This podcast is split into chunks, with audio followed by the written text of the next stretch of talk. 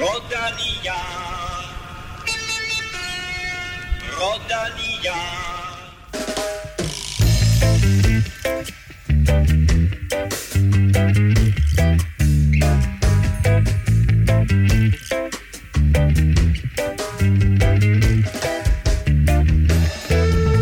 På søndag køres Flandern rundt. Vi kigger frem mod det traditionsrige løb, hvor der er flere danskere blandt favoritterne. Gio d'Italia er coronaramt, flere markante profiler er smittet, og to hold har trukket sig. Og med det, velkommen til mine to faste trækker, øh, hvad hedder det, øh, sportsdirektører, øh, Kim Plesner og Stefan Djurhus. Øh, Stefan, glæder du dig til Flandern rundt? Ja, det gør jeg. Det, det, det bliver et rigtig sjovt cykelløb. Altså, nu har vi jo Søren Krav, der er flyvende, og Mads Pedersen, der er flyvende, og en Kasper Askren, som, øh, som jo også er, er flyvende, måske bare har været lidt gemt her på det sidste. Og, øh, så, så det bliver en rigtig sjov øh, dag øh, med, i forhold til danskerne, men også et godt vedløb mellem øh, Mathieu van der Poel og Wout van Aert, så der er mange øh, sjove aspekter. Og Kim, der er noget med, at du har talt med en anden dansker, der glæder sig til løbet. Det har jeg nemlig, ja. Kasper Askren. Og øh, jeg tror godt, han vil melde, øh, melde Allan Philip ind i, øh, i den kamp med, Au, med de to. okay. øh, Spændende. men det kan, vi, det kan vi høre mere om senere. Sådan. Og så skal vi også lige omkring onsdagens skilteprejs, hvor afslutningen blev præget af et grimt styrt. Stefan, vi skal også lige omkring TIR.dk, fordi øh, vi har igen fået nye støtter. Ja, altså vi skal jo sige tak til, til alle dem, der, der er med, og velkommen til uh, Number 9 og Kenneth Klinge. Kenny Klinge, han, øh, han er en gammel kending, vil jeg sige. Fordi Er det? øh, han er et navn, man lægger mærke til, når man har en cykelklub, for eksempel. Jeg tror, han... Øh, vi havde sådan nogle øh, Facebook-grupper med noget cykelklubværk med Veloropa tidligere. Der var han, øh, så vidt jeg husker, der var en, der hed Rudi Brems, tror jeg. Og så var der en, der hed Kenny Klinge. og det, øh, det er jo sådan nogle cykelnavn, men... Det er, øh, det er noget, man er et husker. æg, ægte cykelnavn. Så enten så er han først lige kommet på nu og har været med tidligere, eller også så er det en af dem, der måske har fået øh, fornyet kreditkort eller sådan noget, det ved jeg ikke. Ja, men, øh, men vi har faktisk også noget rigtig spændende så? til præmiepuljen i dag. Nå, Har jeg hørt? Ja, Mhm. Har Jamen, jeg Det er jo en cliffhanger. ja. Altså man kan vel sige, at det på en eller anden måde også er et cykelnavn. Man kan, man kan gå så langt som at sige, at det er sådan lidt, altså copy. Copy har lidt at gøre med den præmie, vi smider i. Hvad er, det, hvad er det, vi smider i? Ja, Vi smider en copy i. Mere om det Ej, lidt senere. Mit navn er Claus Elming. Du lytter til Velropa Podcast, præsenteret i samarbejde med Zetland og Odset fra Danske Spil.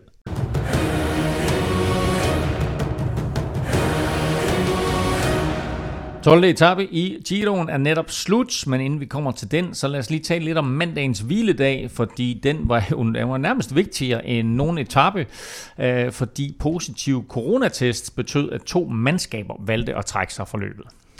Ja, altså, øh, det var jo to af de største hold i, øh, i Jumbo Visma og, og Mitchelton Scott, som jo havde Krausweig, som jo røg ud her, men, øh, men også Simon Yates, som blev taget ud lidt, øh, lidt tidligere. Øhm, og så en af de øh, mere markante sprinter, øh, Michael Matthews, som, øh, som vi også har, har kigget lidt efter, øh, som faktisk ikke har været helt på pletten endnu, men, øh, men det, det, det er et stort tab for cykelløbet, synes jeg. Øhm, og, og så kan man sige, det er jo to af, af de allerstørste forhåndsfavoritter også, der, der nu er røget, røget ned til corona. Ja, Yates han, blev, han, han røg ud en, en lille uges tid før, Ja. øh, at, øh, at de begyndte at teste. Og Matthews så jeg så testet så negativ øh, lige Ja. ja. efter han var sendt hjem, men det er jo det der, Først positiv, og så øh, negativ, og nu skal han så testes igen, og så ja. Ja. må vi se, hvad det ender med. Det- men, det- øh, det men har man det, det virker til, at det var en falsk positiv. Øh, men øh, Krausweig Ja, testede det- positiv. og, og så trækker de holdet, og det, hvis man ser på det hold, de havde med ud over ham, så kan man måske godt forstå det. Altså det hele var lagt op omkring ham, ikke? Og, og man kan sige, øh, så er den officielle melding selvfølgelig, at det er på grund af sundhedsmæssigt. Jeg så også, øh, Thomas de Rent faktisk var fremme og sige nu, at han havde faktisk ikke særlig meget lyst til at køre, køre Giro Mm. øh, videre på grund af alt det her. Men de har jo Men, også øh, været ude, øh, jeg tror især det var Jos van Emden, der var ude og kritisere ja. dem, fordi at inden de overhovedet startede løbet, der havde de været på hoteller, og der var så flere rytter, der været ude at sige, at altså, der var jo fotografer og øh, pressefolk og øh, almindelige øh, hotelturister på de der hoteller, der var nede i buffeten og sådan noget. Ja, der var, der var Øh, et, et hotel, øh, hvor der havde været bryllup den første lørdag. Jamen, det var sådan noget lignende, ikke? Mm. hvor at, altså, at de har stået nede i den samme buffet, og det er jo sådan noget, hvor man bare ved, at, at altså, det er jo sindssygt, det er jo sindssygt Ja, vi hører det her med, altså. at der er en boble og så videre, og der har rytterne sagt, ja. det der med en boble, det er bare det er en, det er en joke. Ikke? Ja. Øh, men det er altså på den anden side, altså for, for Grausweig, der kan man da roligt sige, at det har været, et, et, altså udover corona og 2020 er lort i det hele taget, så har, så har det været virkelig lort for Kraus lort år. Ja, det har været... Øh, ja, så, så skal han med i turen, ikke? Og hvad, han bliver to år sidste år i turen, mener ikke? Og, og skal med der og styre ud af, af Dauphiné, og kommer ikke med i turen, og så kommer han med her og bliver testet positiv for corona, og, og ud det. Og han, han havde heller ikke set for godt ud, øh, hverken på enkeltstarten eller på de bjerge, der har kørt, så enten Men kan man, han enten kan man stadig sige... til, altså det var også Ja, ja, det, ja, som man det- siger, altså det er også det, vi lidt snakker om, ikke? Fuglen, øh, Fuglsang, han så skide godt ud, men han har ikke rigtig øh, hentet så meget tid, hvor Nej. at Krausweig havde ikke set så godt ud, men til gengæld så var han alligevel stadig med deromkring, Mm, ja. så så det er også sjovt i forhold til det, men man, man ved aldrig, altså, om de vil lave et comeback øh, eller, eller Froome i, i sidste uge. Øh. Men vi har også set Kraus ikke smide over fire minutter før, ikke? Jo. Jo, jo, ja. Nå, men dagens etape, den var på 205 km. Der var ikke sådan nogle store bjerge, men det gik op og ned hele dagen, og det var en etape, der trak tænder ud med over 3500 højdemeter. Og efter sit tidstab på øh, 12. etape, der var der da sådan en lille forhåbning om, at Jakob Fuglsang, han ville øh, blæse til angreb, og han satte da også noget i gang ved at smide en hjælperytter ud foran, men der skete ikke rigtig noget, og så i stedet for, så blev det en øh, solosejr til Jonathan Narvaez fra Ineos. Ja, vi havde, vi havde talt lidt om det her med, at den måske mindede lidt om noget Liège, og, øh, og det kunne være, være godt for Fuglsang, og, øh, fordi han jo har vundet løbet. Øh, og, og ikke mindst efter han jo øh, nu har, har smidt lidt tid, at han, han rent faktisk skal ud og, og angribe for at få, få, få det ud af den her Giro, som han, han gerne vil have. Men øh, det blev lidt det her, vi talte om også i optakterne til de her øh, mellemetapper, at, at det mere er noget, hvor du kan tabe løbet, end at du kan vinde det. Der er ikke, der er ikke sket sådan det helt store blandt de, de store kanoner. Og i dag ellers, du, altså, du havde virkelig lortevejr, ikke? Og, og, og havde en masse skrabe småstigninger, men øh, det er som om, at man gemmer lige lidt på den, ikke? Og, og tør ikke risikere det helt store, fordi nu skal vi snart op i de høje bjerge. Men alligevel så var det som om, at NTT, de der forsøgte at gøre en forskel, og at, at, at, at Porto Vivo jo på en eller anden måde lige pludselig, han har ligget der og har været nummer 4 og så videre, mm. øh, men han har vel smidt sig selv ind som en af favoritterne nu ja, til at det- vinde Giroen. Jeg synes egentlig, det var lidt underligt. For, altså det, det var sådan set fint nok til at starte med, og de fik, øh, de fik sådan set isoleret mange af rytterne. Jakob sad alene, fordi han havde Boa- Boardo ude foran, og, og Nibali sad ganske overraskende alene tidligt. Så på den måde virkede en strategi om at få, øh, få isoleret de andre favoritter, øh, så det mere blev en mod en. Men jeg ved ikke rigtig, hvad det skulle bruges til, øh, i det der jo ikke blev angrebet så. Øh, så jeg ved ikke rigtig, hvad man har ud af. at om de Nej, bare vil jeg se, om tror- der var en, der havde en dårlig dag, og så kunne, så kunne vedkommende blive, blive skivet ud bagfra. Ej, det var også Ja. ligesom om, at da de kom til den sidste stigning, øh, hvor Der kom lidt hoved, halvforkølet. hovedfeltet var på en, var det nede på 12 mand mm. et eller andet, ikke? Der prøvede Porto Vivo, jo Ja. ja. trods alt, at sætte ja. dem alle fra front, og da han så ikke kunne smide nogen af dem, selvom uh, Almeida han så ud til at være lidt i problemer, så skete der jo ikke noget. Nej, det er også Han svært. kørte at- jo øh, 200 meter før, før toppen, ikke? Ja. Altså, Ja. der var ikke, øh, og der er stadig noget fladt øh, ned til mål, så ja. der skulle være sket noget mere inden da, selvom det faktisk, øh, Almeida han, han tabte jo lige øh, hjulet, øh, mm. lige over toppen der, ikke? og så kunne man sige, havde du prøvet ned fra bunden af, så, øh, så ja. kunne det måske have været sjovt at få et par mand med, hvis han var blevet sat af, ikke? Men, øh, men jeg tror også, det er sådan nogle af de dage, hvor at når det regner sådan her, og det bliver meget tungt, så, øh, så er der altså større sandsynlighed for, at der er nogen, der bliver ramt af, af en lille off day. Så, mm. øh, så meget interessant, at de faktisk prøver, og det viser også, at de har ambitioner om at lave noget, men, men det var lidt svært øh, at se, hvad, hvad NTT egentlig skulle bruge det til, fordi at Porto Vivo er i hvert fald ikke typen, der kan, der kan køre den hjem øh, på flad vej. Til gengæld så sad, sad man lidt og håbede på, at måske Jakob han kunne, han kunne bruge det til noget, ikke? Men det viser jo også, at de har et godt hold. Fordi de sidder ja. jo altså trods alt med en, i hvert fald en to-tre mand øh, foran, hvor, øh, hvor Trek er, er helt øh, væk. Det rimede næsten, hva'? Trek er helt væk. Ja. Ej, det var lidt, over- altså Brambilla og, Og de har jo Ciccone Louis og Ben O'Connor og, øh, Ja. blandt andet, ikke? Og, Meintjes lavede jo stort set ikke noget, men øh, det var også lidt overraskende. men han er der. Netop de to tænkte man, om det kan sgu Ja. godt... Øh, så jeg ved ikke om... Altså, det, Men er jo- altså, det, alle, alle Men det er jo det, der gør, at, at faktisk, at, at løbet nogle gange kan blive lidt kedeligt, fordi at der er ikke rigtig nogen af de her favoritter, der har et hold til at lave noget sjov med. Mm. Øhm, nu, det ser vi jo i turen nogle gange, så har du nogle gode hjælperytter, så kan du virkelig skrue op på farten og være et par mand, der Mm. kan køre rundt, hvis der er nogen, der er sat og sådan noget. Men her der er det ligesom om, at sådan, der er det sgu bare favoritterne, der skal... Altså det kan godt være, at der er nogen, der lige kan, kan sætte det lidt i gang. Men, øh, Men var det der med, at Jakob han smed Boado ude foran, var det et forsøg på rent faktisk at lægge an til, at han kunne angribe øh, sent på etappen? Ja, ja, det ved vi jo selvfølgelig ikke, men det kan også bare have været en, øh, en hvad skal man sige, en garanti for, at han i hvert fald havde en rytter, der ikke var bag ved ham. På det, forstået på den måde, at det var, ikke, at det var meget sandsynligt, at hvis de havde siddet sammen, så var de jo alle sammen blevet skivet, ligesom alle Trek. Altså han har jo dårligere hold end Trek nu, og selv Trek-holdet blev, øh, blev skivet, ikke? Så, øh, så, så jeg tror mere, det var sådan en garanti for, at, øh, at han, han faktisk havde en. Derude, øh, ikke? Jo. Ja. De sad en uh, surt rytter ude foran, det var sådan lidt svært at finde ud af, fordi så røg nogen af, og så stak nogen af, og så videre. Men uh, til sidst, der ender det jo så med, at uh, Jonathan Vej, uh, Narvaez og Simon Clark og Bahreins øh, Mark Padun. øh, Padun. Padun fra, fra Ukraine, øh, de kommer afsted sammen. Og vi så faktisk en, en hel del øh, defekter, mm. punkteringer osv., og det ender også med, at det bliver en punktering, der kommer til at afgøre løbet.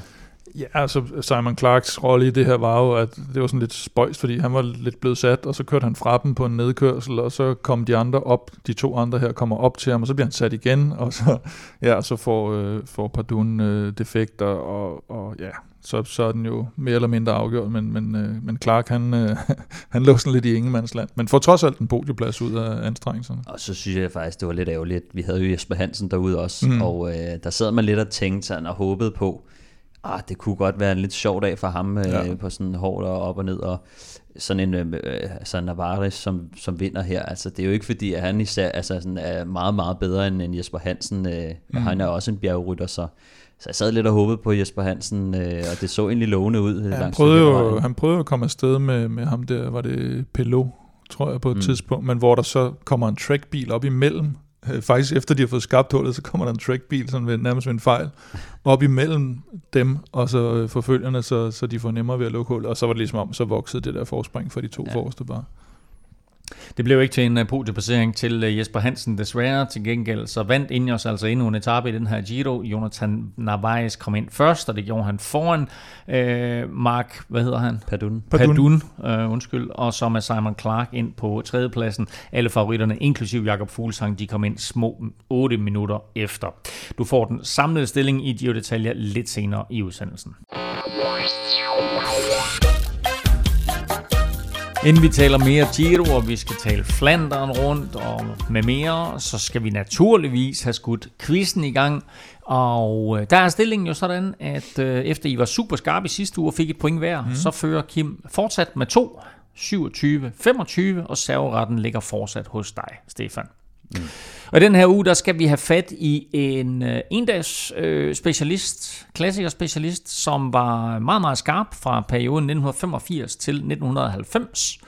Han vandt øh, blandt andet Liège, han vandt Amstel, han vandt Brabantse Pejl, Paris Tour og Skildeprejs, og i 1986, der vandt han Flandern rundt. 86? 1986, der vandt han Flandern rundt. Så hvilken rytter er det, jeg taler om her? I har en øh, tre kvarter til at tænke over, hvem det er. Er spørgsmålet forstået? Det er forstået. Ja, Godt, og jeg kan se, at jeg allerede begyndt at tænke, jeg har kun én regel til jer to, og alle jer, der lytter med. Lad nu være med at google. Tirsdagens 10. etape i Giroen gik fra Lanciano til Tortoretto. Det blev 172 km opvisning fra en gammel kending. Peter Sagan var enestående, og i ensom majestæt satte han alt og alle og vandt en af de flotteste etaper i mands minde. For Jakob Fuglsang, der blev etappen til gengæld et antiklimaks. Han punkterede og tabte over et minut til de andre favoritter. Men lad os lige vende ham der Sagan først, fordi øh, endelig så fik han en sejr igen, og så endda på fornemmeste vis. Ja, han, øh, han finder en måde at vinde på, og det er, det er vel bedst betegnende for, for ham. at Han har ikke lige haft, hvad der skulle til i spurten, men til gengæld så er han øh, brølstærk. Og det er dejligt at se, at, øh, at han har fundet noget af den der styrke, han havde for, for et par år siden, hvor han også lå og, og dominerede Flandern og, og Paris-Roubaix og den der type løb. Og øh, jeg synes, at det er alligevel imponerende, at han, at han alligevel får kørt fra den her gruppe med, øh, med, med alligevel et par okay navne i, i hvad hedder han, øh, Ben Swift øh, og øh, Dario Cataldo og Filippo Ganna. Øh, dem, dem får han altså rimelig øh, rim, onduleret rimelig godt på den sidste stigning især, hvor han, øh, og så kørte han hjem, jeg så, jeg så noget, at han kørte 430 watt hjem øh, fra den afsluttende stigning, som det, er, det er sådan rimelig øh, imponerende, øh, specielt på det tidspunkt, og den måde, som da han kørte på, og Francis Deschy og øh, det meget selv måtte op og prøve at hente ham igen, og det måtte de så opgive, det, det viser lidt om, øh, hvor, hvor, hvor stærkt han kørte øh, den dag og imponerende mental styrke også han har, fordi det er sådan hele tiden, der er han lige sådan en 20-30 sekunder mm. foran, mm. og der var der mange andre rytter, som måske bare vil opgive ævret, men han blev bare ved, og øh, så bliver han altså bare ved med at smide øh, de der rytter, han nu lå i gruppe sammen med en efter en, indtil han var alene og kørte i mål alene. Ja, jeg synes specielt, det jeg lagde mærke til på en af stigningerne, jeg tror det er der, hvor, er det der, hvor Swift bliver sat, Øh, og han ryger lidt bagud, men så kan han godt se, at længere nede, der kommer så nogle andre, kan han se, at de er sådan ved at blive hentet simpelthen. Mm. Og så, Bilbao kommer så, jo op Ja, så, så, så, så giver han lige sådan en ekstra, altså det er ja. som om han nærmest sådan begynder at spurte op af den der bare, for han ved, jeg skal altså lige holde det her forspring op over her, fordi ellers så, øh, så, så bliver jeg sgu hentet bagfra, og så tror jeg, der har været, været slukket. Og, så, og godt for Giro-arrangørerne jo ja. at, øh, at han, fik, øh, han fik vist lidt med alle de penge, han har fået for, for altså, Han har jo angiveligt fået en million euro ja. for at stille op. Hvordan den lige er fordelt, om holdet får noget, og han får noget, det mm. melder historien ikke noget om, men altså, han skulle angiveligt have fået en million, og han har sikkert også fået noget for at være øh, posterboy for hele Giroen. Og Kim, så typisk ikke, du, du er jo mester ud i konspirationer, så er der noget med, at han vinder etappen, men han har måske lavet en lille lokumsaftale med Nå, nej, jeg tror, det var, nogle, øh, det var et fransk medie, der, der begyndte at, at lave sådan noget med, han havde lavet sådan en, en kombine, som de kalder ja. det, med, med nogle af de andre, og sagt, at I får lidt af min uh, million euro her, og så, uh, så skal jeg vinde. Men jeg vil sige, i forhold til, til de uh, vattal, han kørte, der tror jeg ikke rigtigt, han behøvede at lave noget uh, med nogen, og, og i den selektive udskilning, der var, så, så det det er, nu ikke, tror, det, det, det er ikke sådan en, jeg vil hoppe på i nej, hvert fald. præcis, øh, fordi, øh, fordi når man ser løbet, og man ser den måde, han kører på, det er jo simpelthen, ja. det var ligesom at se Sagan for 4-5 år siden, ikke? Altså det var så fedt, øh, og det var fedt at se, fordi han jo netop havde den der kombination af råstyrke opad, og så evnen til stadigvæk på flad vej at holde et, et jagtende felt bagved sig.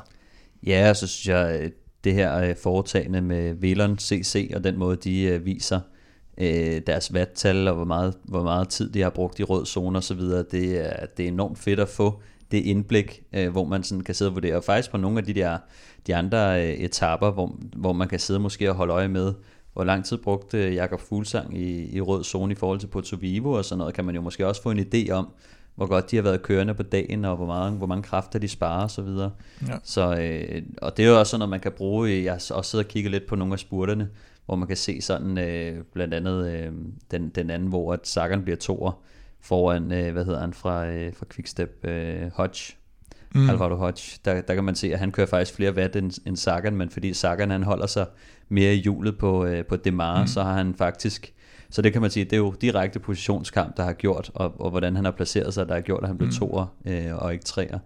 Så, så jeg synes, det er rigtig sjovt at sidde og se de her, de her vattal. Og så snakker som vi snakkede om, øh, Elming, at øh, set i bagklogskabens lys, så, øh, eller ikke så meget bagklog, for det er lige her for nylig, så viste det sig at være en god deal, han fik lavet med at, at stille op i Giroen. Han, han misser jo reelt set kun Flandern.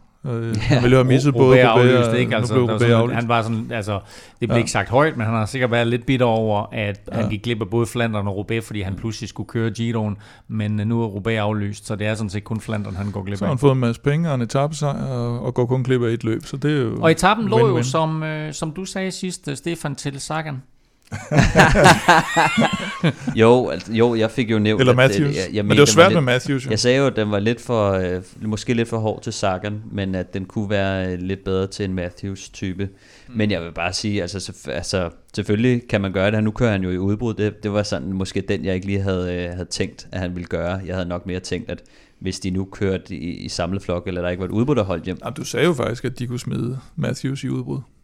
Ja, det gør jeg så også. Så det var bare den forkerte mand? Jeg var sådan lidt, uh, måske var, lidt forvirret over det hele. Uh, men, men jeg vil sige, det er faktisk det er lidt imponerende med, med Sagan, det han gør. Om, og jeg vil sige, noget af det andet, han har vist Øh, det har ikke været, altså han, han stepper lige op på den her etape mm. og viser altså klassen øh, lidt mere, end han har vist øh, på den sidste tid, så det var dejligt at se, at, at han er tilbage, fordi at det, det er sjovt at se ham køre cykelløb. Og udfordringen for ham har jo været i alle de her løb, han har kørt, at han altid er kommet ind sammen med minimum en, der kunne slå ham på stregen.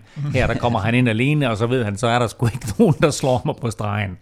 Uh, og så var han jo i udbrud omkring 140 ud af de der 172 km. Vanvittigt imponerende. Etappen, den var hård, og den var våd, og øh, faktisk så virkede Jakob Fuglsang ikke sådan rigtigt, som om han havde benene. Og så sker det værste tænkelig for ham, nemlig at han punkterer på den sidste nedkørsel. Ja, det var, det var sgu noget skidt, og han virkede også en smule desillusioneret, hvis jeg kunne udtale det ord ordentligt. Prøv igen. Øh, nej, det tør jeg faktisk øh, da, han, da han sådan trillede over målstregen, øh, fordi han måtte jo selv ligge og, og jagte øh, i hele det sidste stykke tid, og han, øh, ja, det var uheldigt. Porto Vivo har fået en, øh, en, en punktering øh, noget før, på et lidt bedre tidspunkt, stadigvæk ikke super optimalt, men får kørt sig op igen til, til favoritgruppen, og angriber faktisk også øh, meget kort efter, han er kommet op, hvilket viser noget om hans styrke. Fuglsang så allerede inden en lille smule slidt ud på, på nogle af stigningerne, når for eksempel når Almeida han, øh, han, han trykkede til den. Øh, og, og det her, det gjorde så bare, at altså, at det, det kan vise sig at være et rigtig kostbart tidstab. Også netop det der med, at han, altså han, var, han, han spurgte ikke til stregen, vel, da han kom ind. Øh, det, var, det var som om, at der var en lille del af ham, der havde opgivet øh, klassementet der. Jeg tror også, at han kørte vel heller ikke på sin egen cykel øh, ind til mål der. Det var noget, man kørte han fik på... Fellinis. Øh, han fik Fabio Fellinis mm. cykel, som han sagde var, var alt for lille, og det, ja. det, det kunne han ikke helt uh, finde sig til rette på og, og, og træde øh, Og det er jo netop det her med, at han ikke har noget hold omkring sig, fordi havde han nu haft Larsov øh, ved sin side, så kunne han have fået Larsovs cykel, men her, der bliver han jo nødt til at vente i forholdsvis lang tid, inden der kommer øh, en rytter fra hans eget hold, så man kan få cyklen, og så får han så Fellinis cykel der. Det er også det, altså jeg, jeg sad faktisk og tænkte, at de tog lidt ansvar, øh, hvad hedder det, da Porto Vivo kørte, der var det jo Astana, der satte sig frem øh, for at føre, og da Almeida han kører, der er der også Fuglsang, der sådan mm. indledende går, går efter ham i hvert fald, og, og får ham lukket. Øhm, men man kan så sige, at de så bruger krudtet på, på at lukke på Tovivo og sådan, at, at så ryger de mm. øh, ligesom væk fra, fra Jakob, ikke? eller længere væk, end øh, de måske ellers ville gøre. Så, så er det selvfølgelig bare ærgerligt, at, at de bruger holdet på den måde, øh, men, men nogen skal jo, skal jo lukke sådan en mand, øh, når han kører, så det er bare sådan lidt, at, at de bliver lidt presset som hold øh, lige nu, og, øh, og egentlig så, så gør de jo, hvad de kan, og, og det er bare ærgerligt, at når løbet er eksploderet på den måde, det regner og sådan noget, og rytterne de, øh, de ligger over det hele, så bilerne ikke kan få lov at komme op, mm. så, øh, så er det altså bare øh, hektisk, og det er også derfor, at, øh, at man ser dem øh, nogle gange sætte lidt pres, for eksempel som NTT i dag, ikke? hvis de kan få smidt nogle rytter øh, og sat dem lidt i krise, så er der altså langt ned til bilen og langt til, mm. øh, til, til noget som helst hjælp, så... Øh, så det var ærgerligt. Han sagde jo også selv, øh, at øh, han havde lidt svært med vejgrebet i dæk, dæk til vejgreb der, og, mm. øh, og kulden og regnen det også øh, gjorde lidt kompliceret, så, så derfor var det lidt svært at, at køre øh, op til, til sit vanlige niveau, og det er jo sådan lidt, det rammer rytterne lidt forskelligt, øh, mm. den her kulde og regn. Han taber et minut og 15, det er, øh, det er ærgerligt, men det er jo ikke nogen katastrofe. Kan det hentes igen?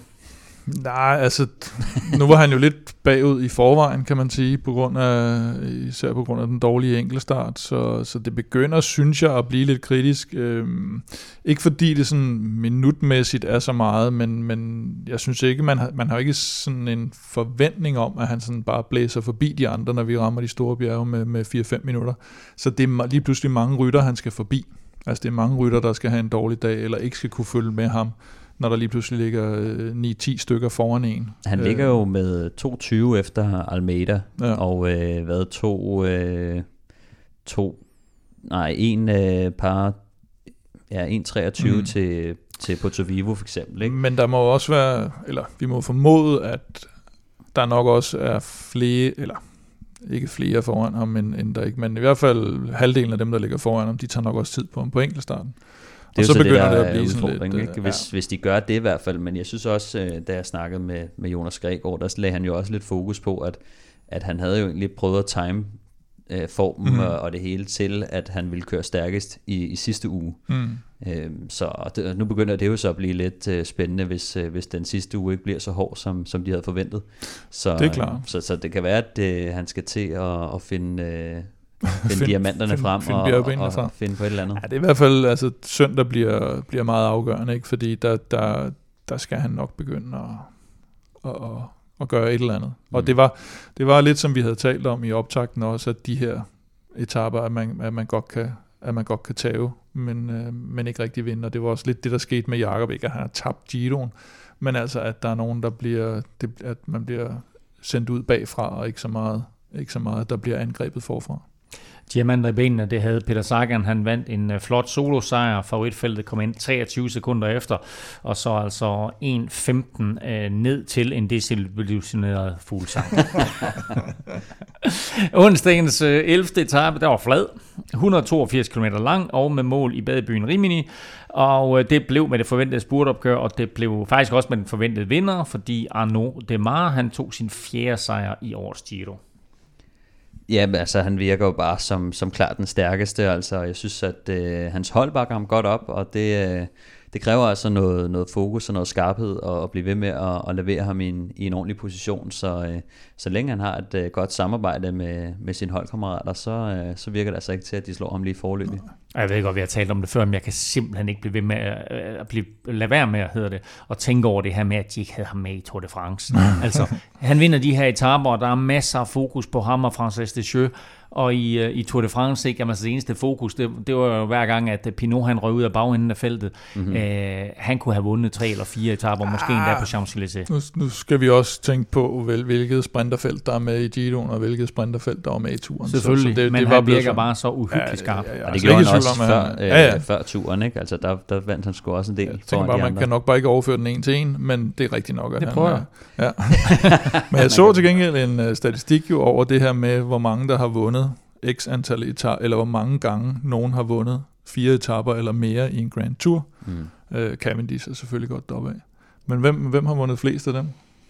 Fire gange? Nej, altså, ja, øh, fire eller mere i ja. flest mulige Grand Tours. Jeg vil sige, Kittel er med deroppe af. Kittel er også med deroppe af. Øh, hvad hedder han? Cipollini? Ja, også nogenlunde deroppe af. Petagi? Ja. Petagi har gjort det syv gange. Wow. Altså i syv forskellige Grand Tours har han vundet fire etaper eller mere. Ja, han var et monster. Det er altså, det er altså rigtig, rigtig meget. Der tabte du lige quizzen der, Elming. Det var, ikke, det? det var ikke en quiz. Det var ikke en officiel quiz. uh, vi havde faktisk på den her etape, apropos sprinter, så havde vi faktisk øh, ballade med en motorcykel, og så faktisk en italiensk sprinter. Ja, det er ikke, ikke så tit, de kører deres egen ned. Nej, det kan man ikke sige. Det var, øh, det var uheldigt. Det var Viviani, som hvis vi snakker om folk, der ikke har haft så godt et år, så, øh, så har han jo heller ikke, måske lidt ventet, ikke haft så godt et år, efter han er skiftet væk fra, fra The König Quickstep. Men øh, nej, det, jeg synes også, det er sådan lidt bekymrende, det er, når man så ser spurten, øh, ja. så, så, så kører Simone Consoni for sig selv, øh, og bliver faktisk en flot nummer 4, tror jeg, mm. ikke? Og, og Viviani kommer så ind på en 10. plads, hvor man så også tænker, jamen, altså når Hvis du nu sidder der, der i finalen, øh, hvorfor er det så ikke, at, øh, at de hjælper ham? Men der ved vi også fra, fra tidligere, at, at øh, Viviani faktisk har været lidt svær at øh, have ja. med at gøre i de her spurter, fordi han, øh, han ikke altid holder hjulet på, øh, på sin lead-out folk. Og det, det er noget, som, som øh, man hader som, som holdkammerat til sådan en, man ved, der har et stort potentiale, det er, at at man gør alt, hvad man kan, og så lige pludselig så kigger man rundt, og så, så sidder han der ikke. Og det sker jo ofte, ikke? Hvad han har øhm, set, man kan det, så som... sige, Michael Mørke var god dengang til at, sådan at faktisk at mm. levere ham, men det er, det er en svær opgave. Det kan jo være, at Consoni han har tænkt, øh, eller der har været sådan en lille smule uklar kommunikation efter. Det er jo nok lidt hektisk, når han, øh, når han styrter så relativt tæt på mål, at, at han måske har tænkt, hvis ikke han er der i mit hjul, så spurgte jeg så bare selv. Men jeg tror faktisk, at, øh, at hans holdkammerater var mindet til ham, også da han blev tilset alene. Øh, der så det i hvert fald ud som om, der sad øh, en, en 5-6... Øh, Nå ja, men jeg tænker i momentet ved sprinten, at Nå, når han ja, kan se, at ja, han ikke rigtigt. er der, så tænker han, okay, ja. så er han sgu nok øh, hårdere ramt, end han selv havde regnet med, så, så må han jo tage en hurtig beslutning. Ikke? Mm. Men altså, apropos Mørkøv, så er det jo helt tydeligt at se også, at samarbejdet med Bennett for ham foregår noget bedre. Bennett. Bennett. Bennett. Bennett. Morten, Morten Bennett. Sam, Sam Bennett. Uh, hvad hedder det, foregår noget bedre, end, end det gjorde med Viviani. Bennett er noget bedre til at holde Mørkøvs hjul. Mm. Øh, apropos sprinter, så var det altså Arnaud Demar, der vandt sin øh, fjerde etape i årets Giro, mens øh, Peter Sagan efter sin sejr dagen før igen var med fremme, men altså måtte øh, nøjes med andenpladsen. Vi er rigtig glade for, at vores gode venner fra Zetland er tilbage som partner på Velropa podcasten, og det er de faktisk resten af sæsonen. Zetland leverer nyheder til dine øregange, så nærmest ligesom øh, den podcast, du lytter til i øjeblikket. Så hop ind på zetland.dk-velropa, så kan du prøve Zetland i to måneder for kun 50 kroner. Og Kim, det er faktisk lige nu et perfekt tidspunkt at prøve Zetland. Det er lige nu. Det er nu, at det er nu. Det er næste 14 dage, 3 uger. Det, det, jeg, lige præcis nu her, øh, når man, når man ser både optakten til, og, og også når man kommer hen omkring det, det amerikanske præsidentvalg her om snart, i starten af november, så, øh, så tror jeg skulle det bliver lidt vigtigt at have nogen, der kan, der kan holde tungen lige i munden i forhold til at give noget, give noget nogenlunde objektiv information, fordi det går hen og bliver givet marked med, med mudderkastning fra alle sider. Og øh, så har vi lidt, øh, lidt dansk politik, der også er værd at, mm. at følge med i, som vi snakker om sidst med de radikale og sådan Der, der, er, det, der er det meget rart, at man øh, har Det kan blive en, noget råd. Ja, det kan blive noget oh! Eller noget lort.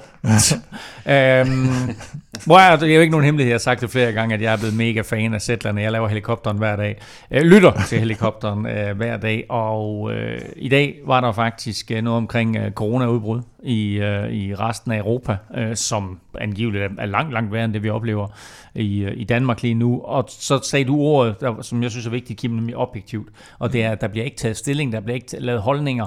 Øh, der er nogle ganske, ganske få gange, hvor der lige kommer en personlig mening ind over, og det er, hvis der er et eller andet latterligt fra det amerikanske valg, hvor man jo hovedrystende som dansker sidder og tænker, hvad sker der lige der? Øh, men ellers så er det nemlig objektivt leveret, og det jeg synes jeg er super, super fedt. Så øh, vil du have dine nyheder på en helt ny måde og leveret lige ind i dine ørebøffer, så skal du prøve Zetland, og du skal prøve Zetland nu, fordi så støtter du faktisk samtidig Velropa podcast. Så gå ind på Zetland med z.dk-velropa og prøv Zetland for bare en halv triller eller mindre end det koster for kaffe og kage på din cykeltur. Onsdag var to gange Pedersen til start i Skældepræs, men de kunne ikke helt leve op til søndagens store bedrifter. Kasper P. styrtede og måtte udgå, mens Mads P. valgte at trække sig med ondt i det ene baglår. Og Kim, det gik jo sådan lidt værre med Kasper P., end vi lige først havde fået indtrykket af. Ja, vi havde jo egentlig en aftale med ham i dag om, at øh, vi lige skulle tale lidt, lidt flanderen rundt, som han var blevet udtaget til efter sin flotte sejr i, i Paris Tour, men øh, så måtte han lige meddele her i, til morgen, at, øh, at det stod lidt værre til, at han måske har fået en hjernerystelse, og, øh, og det er tvivlsomt, om han kommer med på, øh, på søndag i Flandern. Så det, det er lidt ærgerligt øh, oven på den formbesked, han giver der i søndag, så, så kunne få en, øh, en, en mulighed for at, at køre ind i Flandern med, med, med sådan nogle ben der. Det, det havde været fedt. Fordi vi sidder og, og taler om masser af andre favoritter, og det er klart også, at han kører på hold med, med Søren Krav, og måske derfor vil få en hjælperolle. Men altså, når man sidder der i Flandern, og man har de ben, som Kasper P. han har vist her i de sidste 3-4 uger, så er der vel en reel chance for, at han kan levere en overraskelse. Jamen, altså, man kan jo se de to største resultater, vi har haft på det seneste for danskere, der var de jo egentlig i hjælperolle, både Mads P. og Kasper Askren. Især Kasper Askren her sidste år, jo, som jo nærmest kørte første halvdel af løbet som decideret hjælper. Så, så mange gange sker der jo det, at der kommer de her øh, for, forhåndsudbrud, eller hvad skal man sige, præfinale udbrud, som, øh, som nogle af de formstærke hjælpere godt lige kan sidde med i. Ikke nødvendigvis, fordi man regner med, at det bliver det, bliver det afgørende, men, men fordi man er nødt til at taktisk årsager og smide nogle folk med, så ikke man skal sidde og lave alle arbejdet nede bagved. Og der kunne han sagtens have været brugt som sådan en forpost for, for Søren Krav med, med, med de ben, han har. Mads P. han valgte til gengæld, som sagt, altså at trække sig med ondt i det ene baglår, og det gjorde han med det i mente, at han vil være toptunet og klar til på søndag. Ja, og jeg tror også, at øh, der har måske ligget noget, noget, noget træningsmæssigt eller træthedsmæssigt i det, at, at det har måske været en del af planen, at nu kører vi lige lidt her, og så ser jeg lige, hvordan jeg har det, og, og, og hvis det gør for ondt, så, øh, så står jeg bare af, øh, fordi at der er ingen grund til at risikere noget. Jeg, jeg tror ikke, at det er sådan et stort problem for ham, men jeg tror bare, at det er sådan lige for at, for at være sikker, og måske lige for at, at bevare noget af, af friskheden til, til Flandern. Også man så tænker på, hvor, hvor rytterne de opholder sig øh, mellem Skilteprejs og Flandern rundt, så ligger de to jo nærmest øh, lige oven i, hinanden, øh, oven i hinanden i nærheden af den belgiske by Antwerpen, så øh, det er altså sådan lige, øh, hvad skal vi kalde det, i, i hinandens baghave. Øh, I stedet øh, for en dansk sejr, øh, som vi er ved at være forventet med, så blev klassikeren, øh, som mange kalder sprinternes VM, vundet af ja, en øh, sprinter, nemlig Caleb Ewan, og i dag i overbevisende form. Jamen altså, han, øh, han, blev, han blev lanceret godt, og der var, øh, der var så rigtig meget øh, fart i ham. Og øh, jeg tror, at øh, han, jeg tror, han har vundet den øh, det anden gang. En Australier vinder første gang var Robbie McEwen. Øh, mm. og, så, og det er ved at er også en hurtig, hurtig herre. Nogle, nogle år siden, ja. Og så havde vi også, øh, kan man sige, en, en, en sidehistorie til den, var jo også øh, hele Cavendish-sagen der. Øh, Mainz, ja. Hvor han, øh, han, han havde jo sin første professionelle sejr i, i Skilteprejs, øh, og var jo lidt øh, emotionel omkring det hele, og skulle også lige forklare sig ud af sin, øh, sin lidt øh, tårvedet øh, interview, han lavede efter Rent Wevelgem.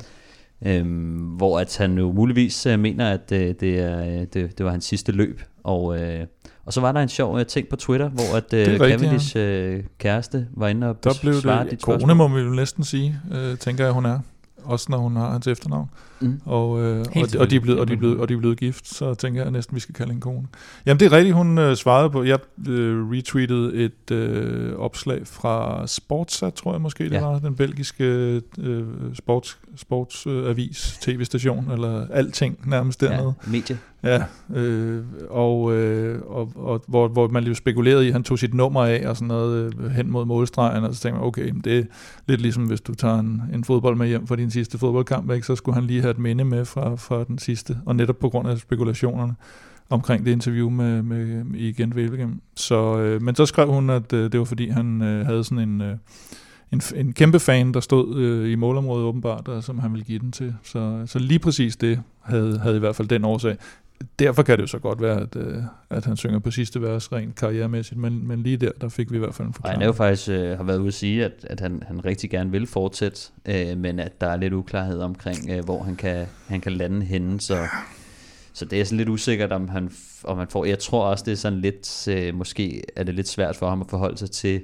hvis han har fået nogle tilbud, øh, hvor, hvor dårlig løn det nu er, fordi ja. at han, han mener vel sikkert et eller andet sted stadig, at han øh, gerne skal have noget, og, og jeg tror også, at hvis han kommer ned på en minimumsløn, lad os sige det, det er der måske nogle hold, der gerne vil give ham alligevel, bare for, for at se, hvad han kan, men, ja. men det vil måske ikke motivere ham nok, bare fordi han vil føle sig så lidt værd, så det er faktisk, han er nok i en lidt svær position, hvor han ikke har lyst til at tage en, en alt for dårlig løn øh, for at føle sig lidt for Men er det ikke også en, en klassisk, et klassisk dilemma for en tidligere verdensklasse sprinter, som mm. jo øh, historisk set er blandt de aller, allerbedste, der nogensinde mm. har været, øh, at indse, at nu er det slut? Jo, og så, så er det også, jeg tror det er svært med ham at se, hvad for en rolle skal, du kan jo godt have en, der, der, der kører på en eller anden måde i en overrække af sin karriere, og så lige pludselig så bliver han lavet om til luksushjælper, eller hvad det er.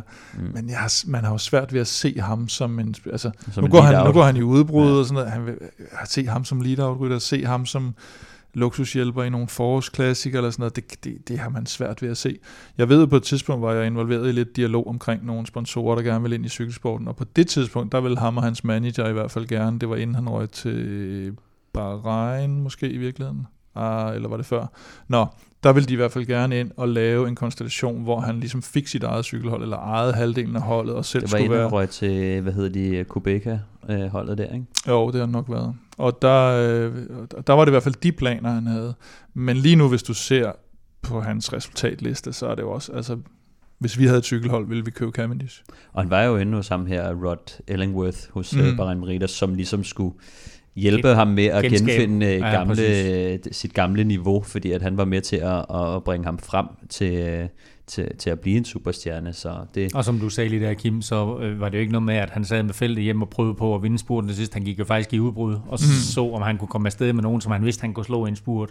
Men uh, det hele endte altså med, at uh, Caleb Ewan vandt foran uh, Nicolo Bonifacio, som med Brian Kokar på tredjepladsen. Men, Stefan, ingen, ingen spurt, vil jeg sige, uden drama. Nej, der var jo den her situation med, med Pascal Ackermann, som, øh, Øh, altså han blev jo faktisk deklasseret fra sin anden plads og ender som nummer, nummer 21, hvor der var et lille gap, øh, når man bliver deklasseret, så er det ofte til, til bagenden af den gruppe.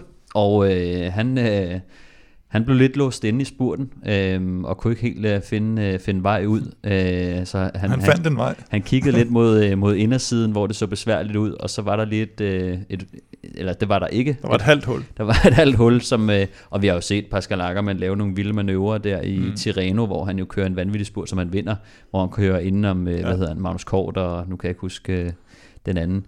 Men han, øh, han tvinger den lige ud, øh, og, og klipper øh, August Jensens øh, forhjul, øh, som, som ryger, altså han ryger jo godt nok på røven og, og slår øh, hovedet og mm. faktisk bliver bevidstløs. Øh, så, øh, så det, det, var ikke, øh, det var ikke så pænt at, at se, og jeg tror også bare, det er sådan, de her sprinter, de gør jo de her ting, øh, og de skal, han har noget power i benene, og han skal frem, øh, så, men, men det var lige offensiv nok i forhold til, at det, det, det ved man godt øh, sådan. Altså, altså det var... Mange gange så er sprinter lidt optimistiske med, altså de, har, de, de kan mange gange øh, godt lige lave nogle ting, øh, og lige manøvrere rundt, men, øh, men her der gik det lidt for stærkt.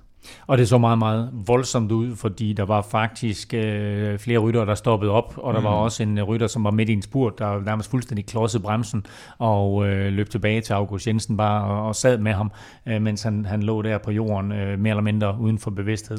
Ja, altså Rudiger Selig, som faktisk er leadout-mand for, for Pascal Ackermann, øh, mm. han, øh, han stoppede faktisk op og, og løb tilbage igen. Og så var det jo ham, der, der, der stod med, med August Jensen faktisk, og, og skulle se, om han var okay. Øh, og så Tobias øh, Kongsted, som jo også er holdkammerat med, med August, han kom ind også kort efter. Så, mm. så han sagde i hvert fald, August har selv været ude og sige, at han var rigtig glad for, at der faktisk er nogen, der, der tager det lidt seriøst, når der er en rytter, der, der falder mm. på den her måde. Og så bliver han jo deklasseret, øh, Ackermann, øh, og øh, Kim, du var også hurtig til at råbe øh, over, øh, hvad hedder det? Øh, råbe, råbe over telefonen til mig nærmest, øh, via, via en sms, at han skulle deklasseres. Men det var faktisk ikke alle, Stefan, der var enige i, at Ackermann han skulle deklasseres. Alle på nær en, tror jeg. Ja, men altså Pascal Ackermann, sportsdirektør, øh, Stefan Radokla, som, øh, som også er tidligere sprinter selv, øh, han, øh, han synes ikke, øh, at den var helt ren, og, og der var jo sådan lidt... Øh, jo, han synes, den var ren. Ja, altså, han, han, han synes, den var ren, ikke? Og, og det, var ikke. Der kan man så sige, altså, så er, det, så er vi ude i det her med, hvornår må man skifte bane, og hvornår ja. må man ikke skifte bane. Er det, han har, havde han startet sin spurt, eller havde han ikke startet sin spurt? Det er jo det, som der er sådan lidt... Mm. Når du først er i gang med at spurte, så må du ikke rigtig vige fra din bane. Men det er aldrig hensigtsmæssigt at, at klippe andre Nej. folks Nej, det, det, det, det, den, den, var, øh, den, var, den var rimelig ja, god. Øh, men altså, man kan så sige, øh, sprinter har en lidt anden idé nogle gange, end en ja, kommissær ja. har, øh, for hvornår der er plads, og hvornår der ikke er plads. De øh, håber mere på, at der er plads. Men, men, men, men det var et vildt baneskift, specielt hvis du ser spurten lige fra, så, kan mm. man, så kommer han så bare flyvende ud lige pludselig. Ja. Øh, så så den, øh, den er lidt grim, men det sker altså ofte det her. Og rytterne, eller sprinterne er jo faktisk rigtig gode ofte til lige akkurat lige at tage hjulet øh, til sig og undgå mm. de her ting, øh, fordi at det sker et, et hav af gange jo i alle spurter faktisk, men, øh, men August han er jo også i gang med at lave et stort resultat, og, øh, og han har altså fuld fokus på at køre lige ud og, og blive top 10, men øh, og, og så derfor så er han ikke helt øh, klar Som på den her. han jo også blev faktisk øh, 4-5 dage tidligere i Paris-Tour, ikke? Ja, det tror jeg faktisk, han gjorde, ja. Det er rigtigt. Nej, Men så I, øh, så I, hvem det var, der hoppede hen over ham og prøvede at, at, at bunny jumpe ham? Det og var Bongi jo... jumper ham lige frem. Bahrein-rytter der? Eller Og Bonnie. der var en Bahrein-rytter, der Det er nemlig rigtigt. Det var Ivan Garcia. Ja, det og det, han havde sgu også slået sig, og det er jo ikke super godt i forhold til Flandern Nord. Mm. Fordi mm. han er jo en af de sådan up and coming, eller måske allerede nu, gode klassikerrytter, mm. og, og ham havde man da visse forventninger til i, øh, i øh, Flanders. Et, øh, et forfærdeligt styrt, som spurten blev præget af, men på en lidt mere positiv side, så gik faktisk endnu et staldtip hjem, Stefan, da du jo havde set uh, Arvid Decline komme i top 10. Ja, den var sådan lidt, øh, den var lidt øh, anderledes end, end det vi plejer. plejer at tage nogle af de, de mere kendte ryttere, men, øh, men jeg synes den var sjov, fordi at øh, jeg, var, jeg snakkede lidt med, øh, med Tobias Mørk, som jeg har kendt i, i mange år, som skulle, skulle med ned og køre. Og, øh, og så tænkte jeg, at ham, jeg har snakket lidt med Tobias som ham med Arvid. Jeg, jeg kender ham faktisk tilbage fra, jeg tabte en spur til ham i, i 2016, hvor jeg ikke anede, hvem han var. Øh, og så kom vi ind og skulle spurte om en anden plads, og så, øh, så tænkte jeg, ham der, ham napper jeg, han, han ligner ingenting. Og så var han nede med mig hurtigt. Og så har jeg lidt holdt øje med ham, og han har, han har kørt rigtig godt, så jeg tænkte, øh, han kan godt, øh, han kan godt køre en top 10, og så fik jeg lige Tobias til at gå ind øh, på hotellet og sige til ham, nu skulle han altså lige tage sig sammen, fordi nu, øh, nu var det staldtip, så, øh, så det, det, det gjorde han. Nu er det staldtip-tid, Ja. og det er staldtip-tid lidt senere i udsendelsen igen. Og så Sørensen. Sørensen angriber, og han får hul. Det er en fremragende situation. Det er fremragende. det kan ikke være bedre. Timingen var fantastisk efter Ballerini havde gjort et, en skilmanøvre i hvert fald, men dog brugt nogle kræfter. Kom så, Rolf. Jeg tror ikke, de kan nå ham. Rolf Sørensen på vej op. Han holder hjem. Det er godt at se det her. Rolf Sørensen kører ind på de sidste 100 meter. Han gør det. Han vinder sin anden store klassikersejr, Lies Bastogne Lies i 93 var den første, og her er det en kendskærning. Han har vundet Flanderen rundt. Det mål, han satte sig, det løb han helst i vinden, kan han strække armene op og konstatere, at det har han gjort. Han har nået det mål. Fantastisk. På søndag den 18. oktober køres forårsklassikeren Flandern rundt. Vi har ikke haft en dansk vinder siden 1997, hvor Rolf Sørensen kørte første over stregen, naturligvis her kommenteret af Mater og Let. Årets udgave er på 244 km med masser af brosten og legendariske stigninger. Løbet begynder i Antwerpen, og de første 85 km er sådan lidt hyggelige inden feltet rammer det første brostenstykke. Og så kommer de ellers som perler på en snor, brosten på både flade stykker og stigninger, og dejlige navne som Ulvebjerget, Falkebjerget, Kanariebjerget, og så den berømte kombo Quartermont og Paterberg. Der skal køres to gange inden den flade finale på 13 km ind mod målstregen i Odenarde. Og det er da dejligt, at der bliver kørt cykelløb i Belgien. Ja, det er jo, det er jo noget af det bedste.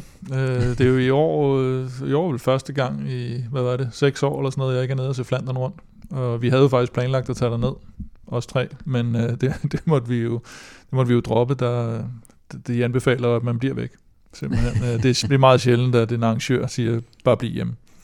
Og det er ikke Så- kun til os tre, de har sagt det. Nej, det er det. Det er sådan generelt til det tilskuere. kunne man godt forestille sig, men, men det er ikke kun os. Så øh, det bliver lidt mærkeligt at, at se dem øh, komme op af de her berømte ja. stigninger, uden at der står et, øh, en vanvittig skare af tilskuere med flag og røg og så videre. Men øh, udover det, hvad er det så, der gør Flandern så speciel? Men det er jo fordi, at de mennesker, der bor dernede, de, de mange, en meget, meget stor del af dem, og ikke kun sådan nogen, der er øh, hardcore cykelfans, eller også skal man sige det på en anden måde, at der er en utrolig stor del af befolkningen, der er hardcore cykelfans. Så hvis du går ind og spørger en eller anden tilfældig, som egentlig ikke rigtig følger med i cykling efter sit eget udsagn, så kan han jo lige fortælle om, hvordan øh, han synes, at Stein de Volder var som, øh, som øh, cykelrytter og så videre.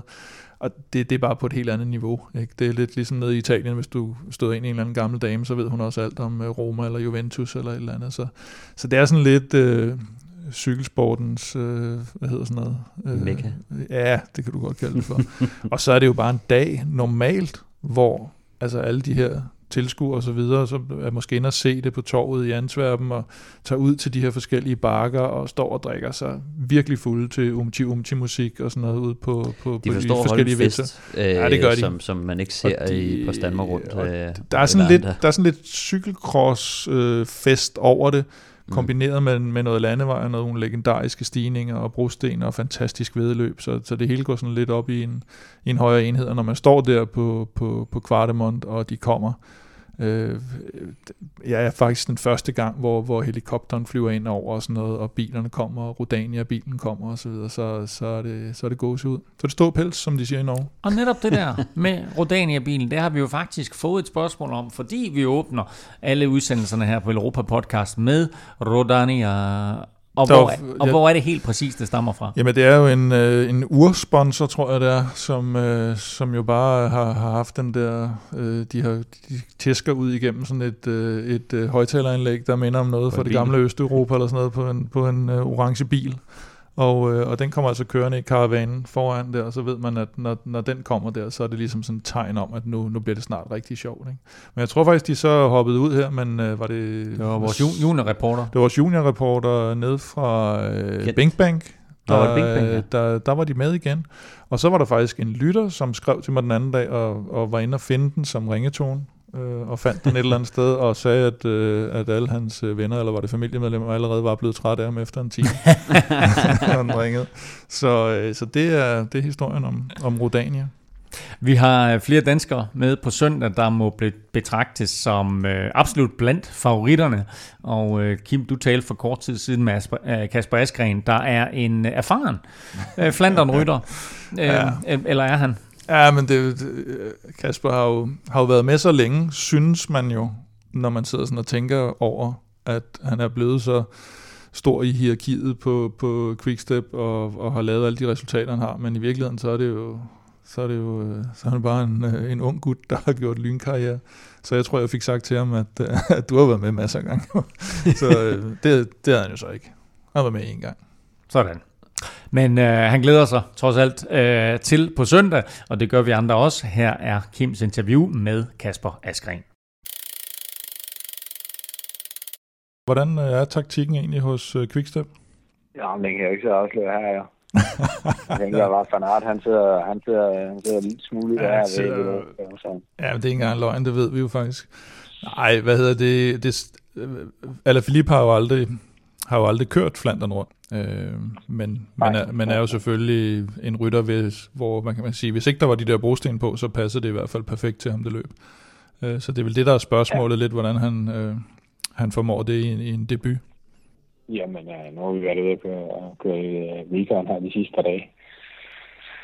Og der er han, øh, der er han der flot op over uden problemer, øh, selvom der er brudsten på bajen. Så øh, jeg tænker ikke, det bliver noget problem for ham. Han skal nok, øh, han skal nok være med frem ja, i finalen, det er jeg helt sikker på.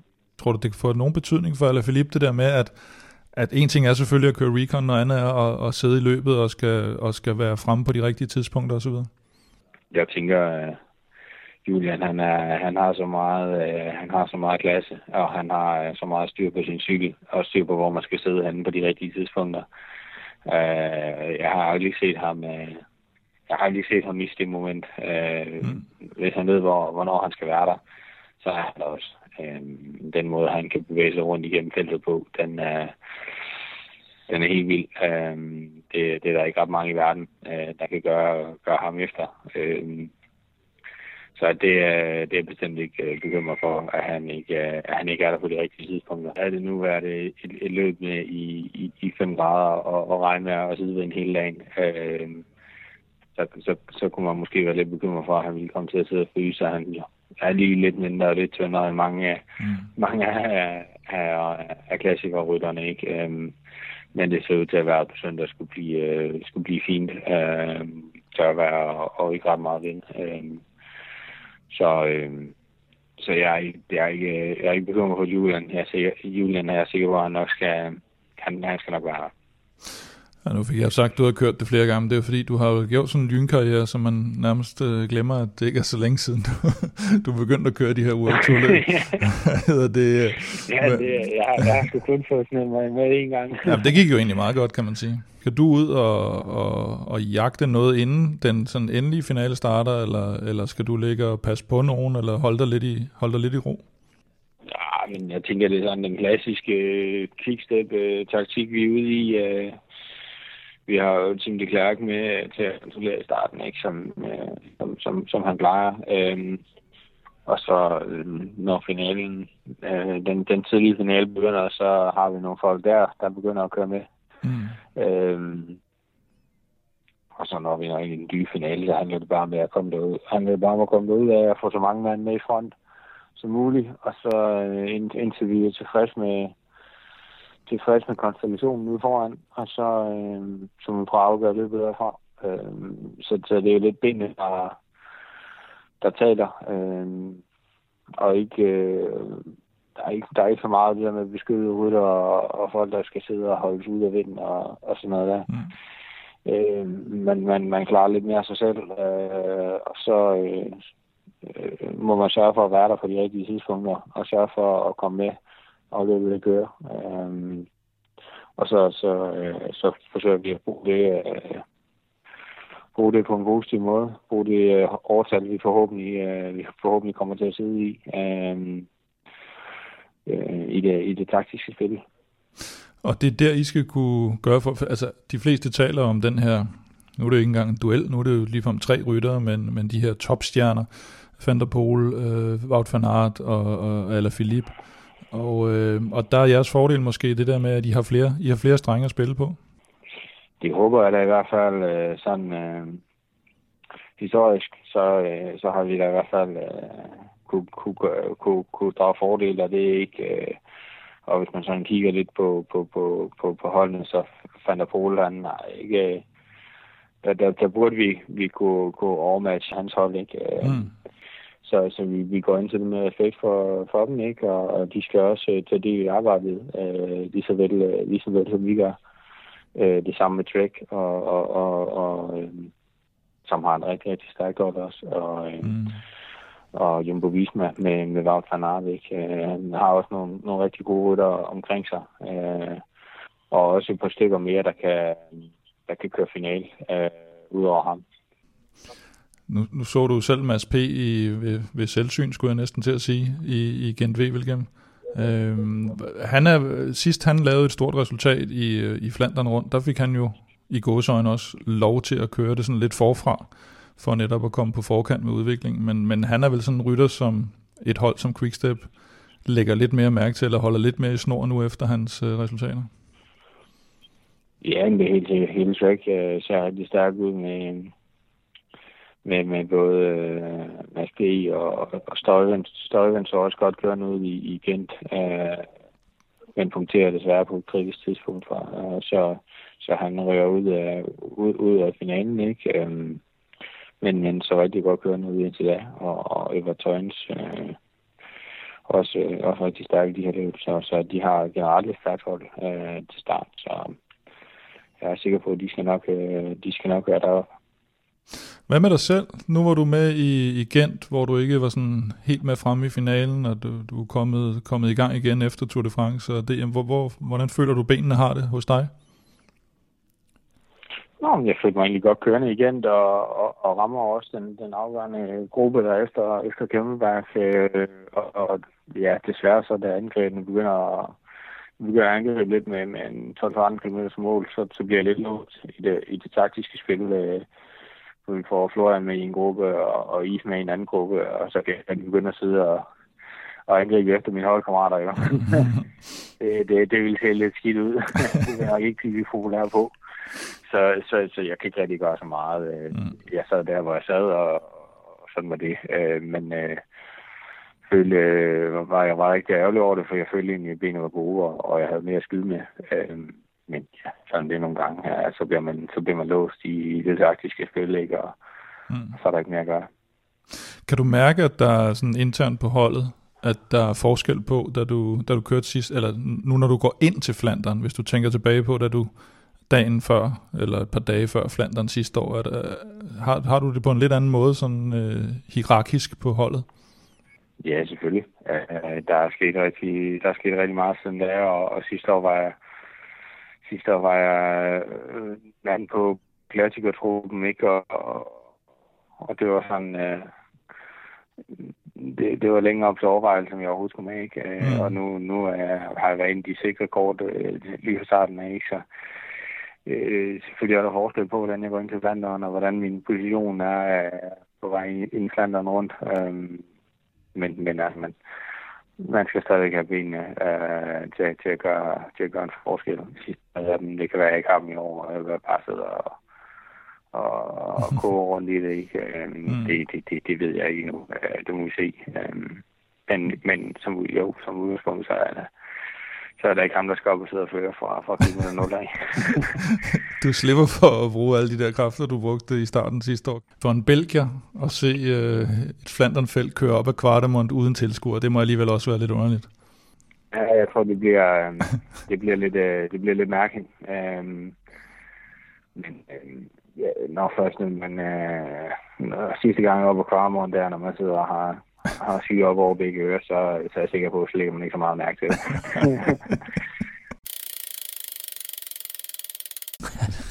Dejligt interview med Askren, og vigtigt synes jeg lige at høre, at han selv mener, at han har benene, fordi vi har, har vi ikke været sådan lidt i tvivl, om han måske ikke sådan var i den der ultimative topform, vi kender ham i? Jo, man var jo i tvivl i, i Gent om, om det skyldes netop det, han siger, at han var låst af taktiske grunde, eller om han, øh, han kom lidt på bagkant, fordi formen ikke, øh, eller er måske ved at æbbe ud efter både turen og, og, og nogle hårde løb her. Ikke? Så, Så, øh, men det, det lyder som om, at han, øh, han er klar. Sige, uh, til gengæld dobbeltdansk mester og en 6. 6. plads til, til VM enkeltstart. Det, det, det vidner lidt om, at uh, der er et eller andet at køre med.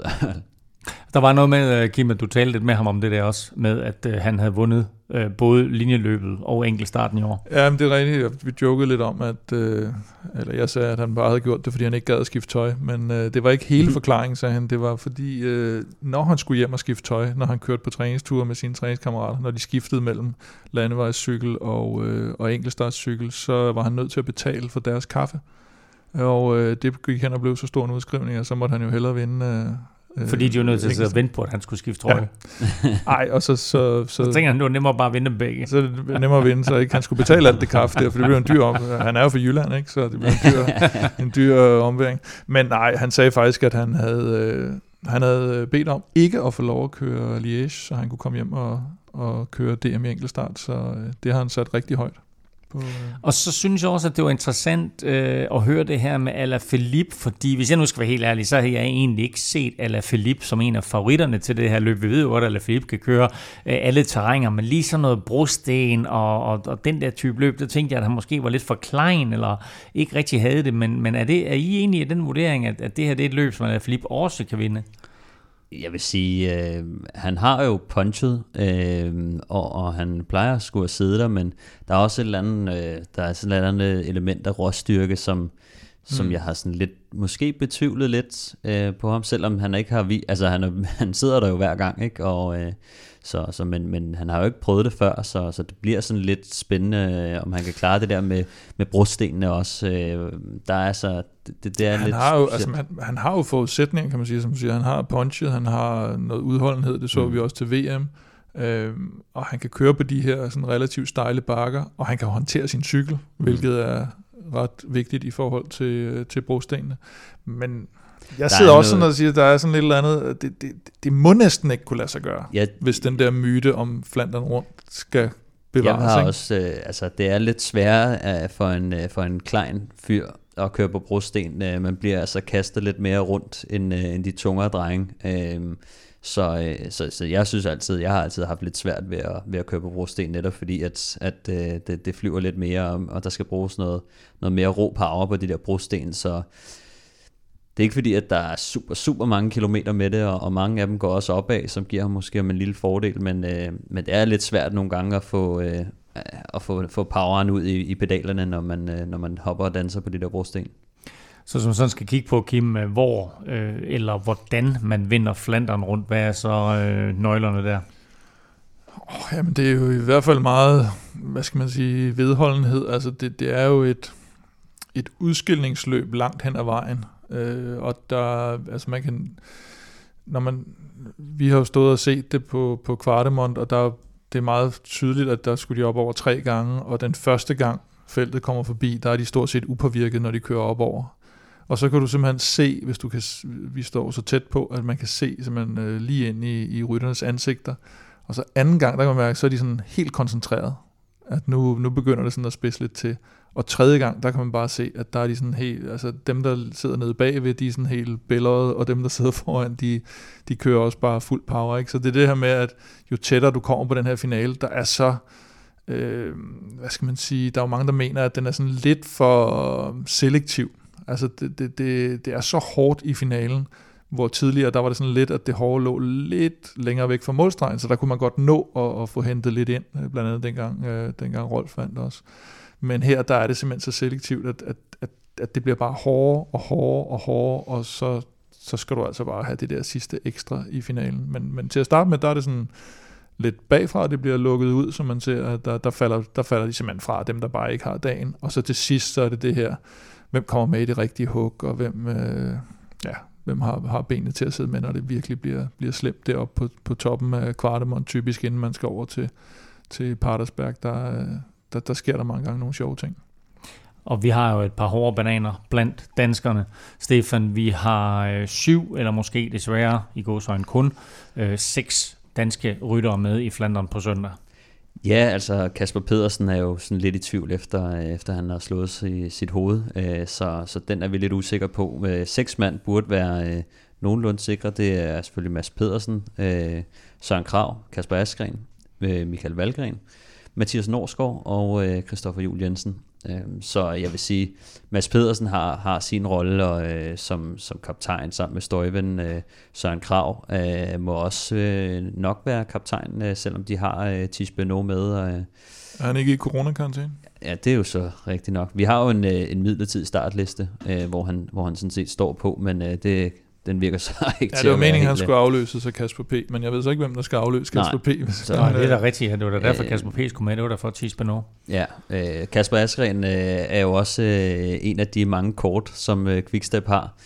Valgren øh, kan måske også, der er han kører jo med Edvard Borson Hagen, øh, som han nok kommer til at splitte lidt med, øh, hvis han har dagen. Det har han jo vist, øh, i hvert fald til VM, at han faktisk øh, har gode ben øh, og har, har, har styr på formen. Mathias Norsgaard jeg er sådan lidt i tvivl om, hvilken rolle, fordi at de har jo Jürgen Rolands på holdet, men, øh, men han har ikke rigtig haft skud i den. Så, øh, så spørgsmålet er, om de fortsat kører for ham, eller om de faktisk øh, kan få lov at måske køre i, i, et udbrud eller et eller andet. Det kunne jeg sagtens forestille mig, Mathias Norsgaard.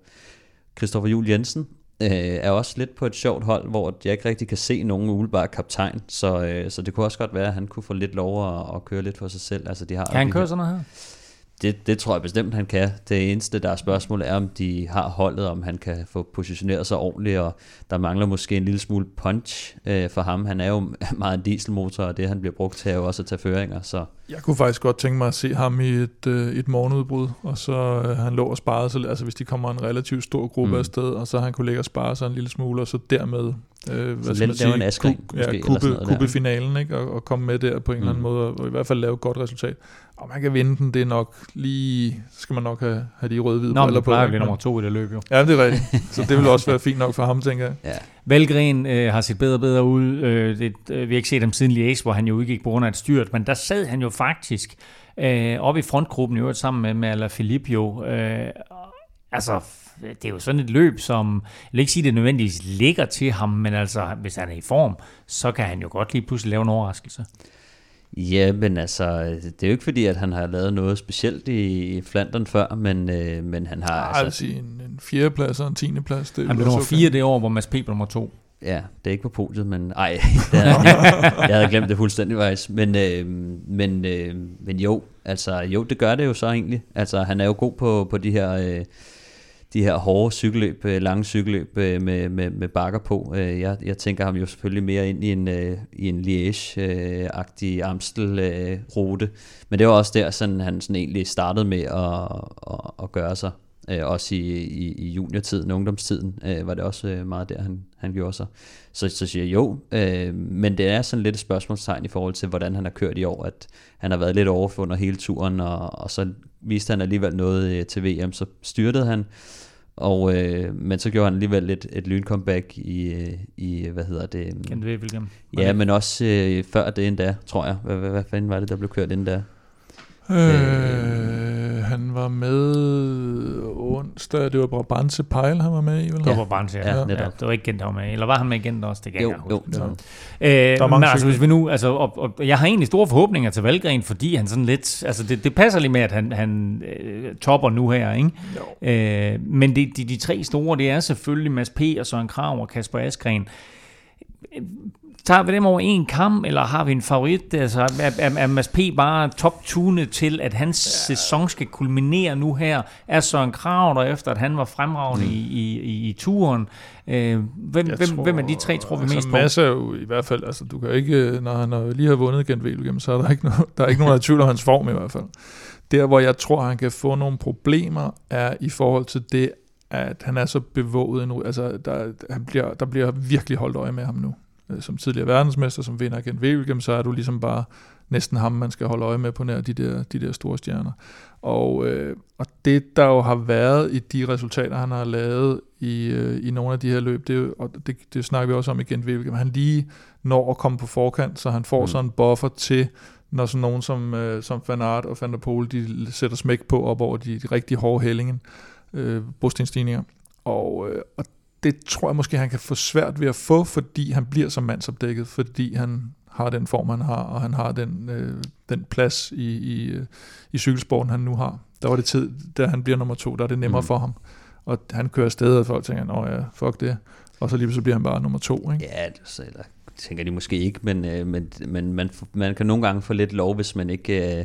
hvis det nu var øh, for, Wout van Aert, der havde gjort det, så havde man måske været sådan lidt mere, oh, det, men Mads for to år siden er bare noget helt andet. Ja, det er rigtigt. Masse i år, det er ikke? rigtigt. Og det er netop det med, at han har faktisk har kommet lidt på forkant, øh, både i VM og i Flandern mm. og, og i Gent, øh, kan man også sige, ja. at de var på forkant, ikke? Så, så den er lidt, øh, lidt svær, men altså man kan så også sige, altså med, med det taktiske øh, beef, der er mellem øh, Van Aert det, det er så og hans der fordel, ja. Ja. kan komme ham til gode i forhold til, øh, så der er noget taktisk, altså man skal også ofte have, være lidt heldig og, og, og tage nogle, øh, nogle hårde taktiske beslutninger, hvis det skal gå op i Jo, en og nu smider man så alle Philippe ind i ligningen, ikke? I den, den, Jo, jo, der ja. stjerneduo, ikke? Hvordan skal de så sidde og holde øje med ham? Det kan være, at det er en fælles får, fjende for, for dem, ikke? Jo, de får meget stort ansvar, Mm. mm. Quickstep. Med hensyn til Valgren, så bliver faktisk, så den måde, han har kørt Flandern på, har jo været det med, at han bare bliver sid, altså han sidder der bare, Mm. Mm. og så holder han i så lang tid, for vi, jeg synes, jeg, som jeg husker det, har vi ikke rigtig set ham i nogen angreb, altså udover der, hvor han øh, kørte med Jo, der til Jeg sidst, havde ikke? helt glemt, øh, fordi det, det er der, hvor, at, øh, hvad hedder det, um, er det Mads P., der bliver toer. Det er det år, hvor, Hvor han hvor kører med Valgren Sagan, faktisk kommer det- ind ja. sammen med, er det Van Avermaet, tror jeg, han bliver. Sagan, ikke? Ja, Han, var han det kan ikke, køre fra, altså Va- Valgren kører fra de andre, ikke? Øh, altså Mads ligger der alene, og så kommer en gruppe, og så kører Valgren faktisk fra de andre på vej ind mod... Sammen med Sagan, som bliver træer. Og så bliver det sådan, Valgren fire, ja. ikke? Det er rigtigt.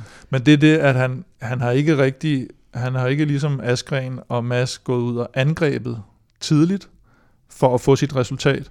Han er mere blevet siddende, og så kan de simpelthen ikke komme af med ham. Og så sidder han der helt automatisk, fordi folk falder bare fra. Undskyld, Og det så var han, han, øh, Philip Gilbert. Nå, det var Gilbert, ja. Vi har- vi har begge- vi har begge to fejl. Sagan var ved Ja. hjem. Ja, Det er rigtigt. rigtigt. Og, øh, og det er den måde, han ligesom får, får skabt sine resultater på. Også der, jeg mener, han bliver 10'er i et af de første Flandern, han kører. Og der sidder mm. han simpelthen også bare med. Altså han bliver bare ved med at sidde med, fordi han har den der udholdenhed. Og det, der skal til, er jo så den udholdenhed, plus at han lige har den der enkelte tændstik mm. til sidst, så han kan komme med i et hug, eller lige lave et angreb. Men det æder med mig svært i Flandern rundt, ikke? Vi har ikke Altså- set det slangehug i et par år. Nu uh, må det gerne komme på søndag. Uh, hurtigt spørgsmål. Bedste dansker Mm. i Flandern rundt? Åh, oh, jeg er bange for at jinx ham, men øh, nu siger jeg Søren Krav. Jeg har, øh, jeg har en eller anden god feeling for, for Kasper Askren. Jamen, så sige. tager jeg Mads P. Ja. Sådan. øh, så det er jo altså selvfølgelig de tre øverste på podiet. Hvis vi nu skal kigge på, på de udenlandske ryttere, der så kan komme ind på de sekundære Sekundære placeringer, ja. hvem skal vi så holde øje med? Jo, vi har allerede været lidt inde på det. Øh, Wout van Aert øh, har jo set rigtig stærk ud. Mathieu van der Poel selvfølgelig også. Alle Philippe er lidt den her joker, og, øh, som, som selvfølgelig skal medregnes som en af favoritterne, men er en lidt ubekendt. Øh, men altså hele det kønne Quickstep, øh, Florian Senechal, Stibar, Yves Lampard og, og måske lidt en Bob Jungels, som, som også har været lidt anonym, men øh, Alberto Bettiol øh, bliver vi også nødt til at nævne, og så Stefan Kyng har også øh, vist sig at være rigtig stærk, så det er nok, øh, hvis vi ikke skal nævne dem alle sammen, så er det nok øh, de primære øh, favoritter, vil jeg sige. Hvad var det, han vandt, uh, Bejol? Var det ikke Flandern? Han var i Flandern sidste Jo. år. Præcis, så han er jo forsvarende mester. Ja. Øh, og nu nævner du selv lige det kønne Quickstep, som jo altid kommer med et fuldstændig vanvittigt hold her, øh, hvor man kan sige, Kasper Askren siger det også i dit interview, Kim, at det er jo egentlig benene, der afgør, hvem der vinder Flandern rundt, mm. men hvis vi skal kigge på nogle hold, der kommer, som, hvad skal vi sige, en lidt stærkere opstilling end andre øh, hold, hvem skal vi så holde øje med? Jo, men altså, det kønne Quickstep selvfølgelig, og, og Trick øh, skal også nævnes med Mads Stuyven, øh, Edward Toynes, og så øh, Alex Kirsch også, som, som plejer at være en god hjælper for dem. Øh, men ellers så synes jeg, at EF Education øh, kommer med et godt hold. Altså, de har selvfølgelig Bettiol, Sepp van Marke, Jens Køkelette og øh, Langeveldt, øh, Sebastian Langeveldt, øh, som, som også har gjort det rimelig godt før i de her øh, klassikere. Så synes jeg, at Ineos kommer med et rimelig øh, stærkt hold, også øh, med, med Kwiatkowski, øh, hvad hedder han, øh, Luke Rowe, øh, Gianni Moscon, øh, Owen Duel og Dylan van Barle. Mm. Det skal også lige siges, at øh, vi har ikke, altså EF er, er helt på plads, mm. øh, Ineos øh, og Trek øh, og det König er sådan, den er ikke 100% bekræftet, men øh, det er altså de navne, som, øh, som vi har fået øh, indtil videre. Så, øh, så EF og Ineos synes jeg virker som, som et stærkt hold, sådan samlet set. Og løbet Flandern rundt, som øh, vi vil alle sammen se frem til, det kan altså ses på TV2 Sport X, og det er på søndag allerede omkring klokken 10. Vi taler mere Flandern lidt senere, men først en tak til alle jer, der støtter os på tier.dk. Sidder du derude og synes godt om det, du hører, så kan du altså også blive en del af klubben. Og måske så er der sådan om lidt sådan, hvad skal vi kalde det, en symbol på at være med i klubben. Det kommer mm. vi tilbage til. Beløbet, du donerer, det er valgfrit, og du donerer hver gang, vi udgiver en ny podcast. Og når du så donerer, så deltager du altså automatisk øh, i konkurrencen eller lodtrækningen om fede præmier. Og Kim, puljen, vi er ved at bygge op, den består allerede af En t-shirt. Og en bog. om bog. Og En Jørgen Let Fausto Copy t-shirt. Og en indtil videre unavngivet. Jeg kom ikke i pulterkammeret. Jeg beklager.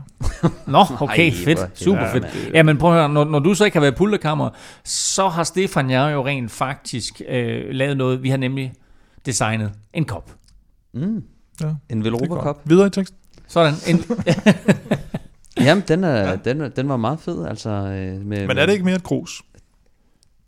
Det er, det er, en, det er en kaffe, et kaffekrus. det er kaffekrus. Men vi Ja. kalder den en kop, fordi så kan vi lave Fausto Coppi øh, relation. Anyway, det korte lange er, præmiepuljen fra nu af får hver evig eneste gang en fuldstændig sprit ny Velropa Cup med, så du derhjemme øh, kan sidde og drikke af din nye Velropa Cup, når du lytter til Velropa Podcast. Vi trækker lod på mandag, når vi er tilbage øh, i vores næste udsendelse, der trækker vi altså lod om den her første Velropa Cup, så øh, skynd dig at tilmelde dig tier.dk, hvis du vil være med i lodtrækningen om den allerførste kop. For vores øh, lodtrækninger, der gør vi det jo på den måde, at for hver femmer du donerer, der får du et lod i puljen, så jo større beløb, jo flere lodder, og dermed altså større chance for at vinde en kop med mere. Du finder link på både velropa.dk og på tier.dk. Nu kigger vi lidt nærmere på de næste tre etapper i Giro d'Italia, men først lige et hurtigt kig på stillingen i øh, Giroen, og det er fortsat øh, Joao Almeida, der fører, og det gør han med Vilko Kelterman på anden pladsen, 34 sekunder efter Pello Bilbao på tredje pladsen, og så altså Domenico Pozzovivo på fjerde pladsen, alle sammen inden for et minut. Så følger Vincenzo Nibali, øh, Patrick Kronrad, Jay Hindley, øh, Rafael Majka, Fausto Masnada, og så 2.20 efter den førende rytter på 10. pladsen, der finder vi altså Jakob Fuglsang. Han har et minut og 20, eller minutter 19 op til Vincenzo Nibali på øh, 5. pladsen. Fredag køres øh, 13. etape, og den ligner en ægte Peter Sagan øh, etape. Den er på 192 km, hvor de første 155 de er helt flade, og så kommer der to stigninger, der nok sådan skal sortere ud i feltet, og så en lang nedkørsel inden de sidste 12 km ind mod mål i Celice. Ja, og, og altså, jeg vil sige, det, det, det ligner jo en, en, en lidt sjov etape, øh, den her, fordi den, den er så flad, øh, og så kommer der alligevel to øh, faktisk Ordentlig knolde rimelig lede ramper, øh, og de kommer jo forholdsvis tæt på mål, øh, og den, øh, den, den første stigning her er via Roccolo, den, øh, det er en meget smal og stejl stigning øh, på, på lige omkring 4 km, og den stiger i snit 8%, så det er, det er sådan noget, der godt kan gøre lidt ondt, og de sidste, de sidste stykke op af den er også øh, op til 13%, så altså, det er ikke sådan sådan en nem øh, stigning, altså 4 km, det, det er altså også øh, noget.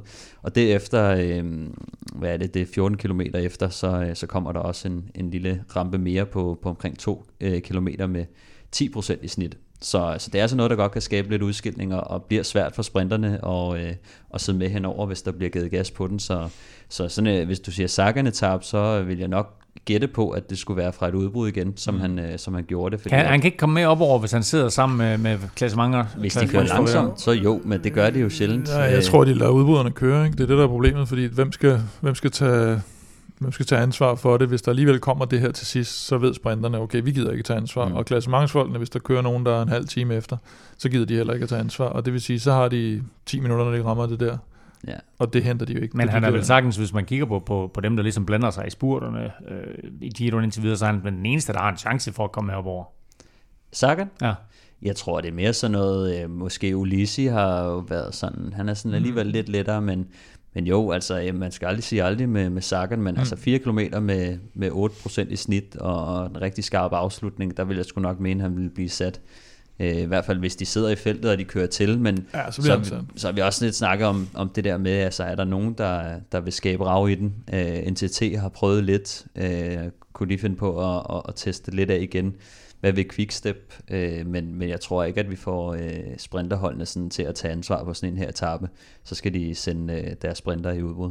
Det bliver rigtig interessant også at se, om der kommer til at ske noget i klassementet, om der er nogen, der tager en initiativ, eller de bare sidder og venter på at komme igennem etappen, og så gør klar til lørdag, fordi der skal der nemlig køres enkeltstart, og det kan blive en meget afgørende enkeltstart for Jakob Fuglsang. Den er på 34,1 km, den er med to stigninger undervejs, og så en stejl rampe op mod målstregen i Valdo Biardene. Hvor store forskel kan der gøres her? Øh, jamen, i klassementskampen, der, øh, der, der, der tror jeg, det vil være sådan noget, altså alt fra, øh, fra øh, 30 sekunder til, til halvanden minut, altså fra, fra, de, fra de gode til de dårlige. Det, det spændende er jo, altså vi, vi ved jo vidderligt ikke, men Vilko Keltermann plejer at køre stærkt, og øh, Shaw Almeida ser også ud til at være rigtig stærk på enkeltstarterne. Så det er jo nok de to, øh, jeg vil skyde på, øh, kommer til at gøre det bedst. Så er der øh, Nibali på Tovivo og Fuglsang. Øh, og så har jeg helt glemt at sige Bilbao også, som jo er spansk mester mm, i enkeltstart. Ja og, og ligger øh, træer lige nu. Øh, men altså, det er nok Puerto Vivo, Fuglsang og, og Nibali, der, øh, der skal prøve at, at lave en overraskelse, fordi de ser umiddelbart øh, man sige, svagest ud i forhold til de her øh, seks, der kæmper om, om sejren, sådan lige umiddelbart.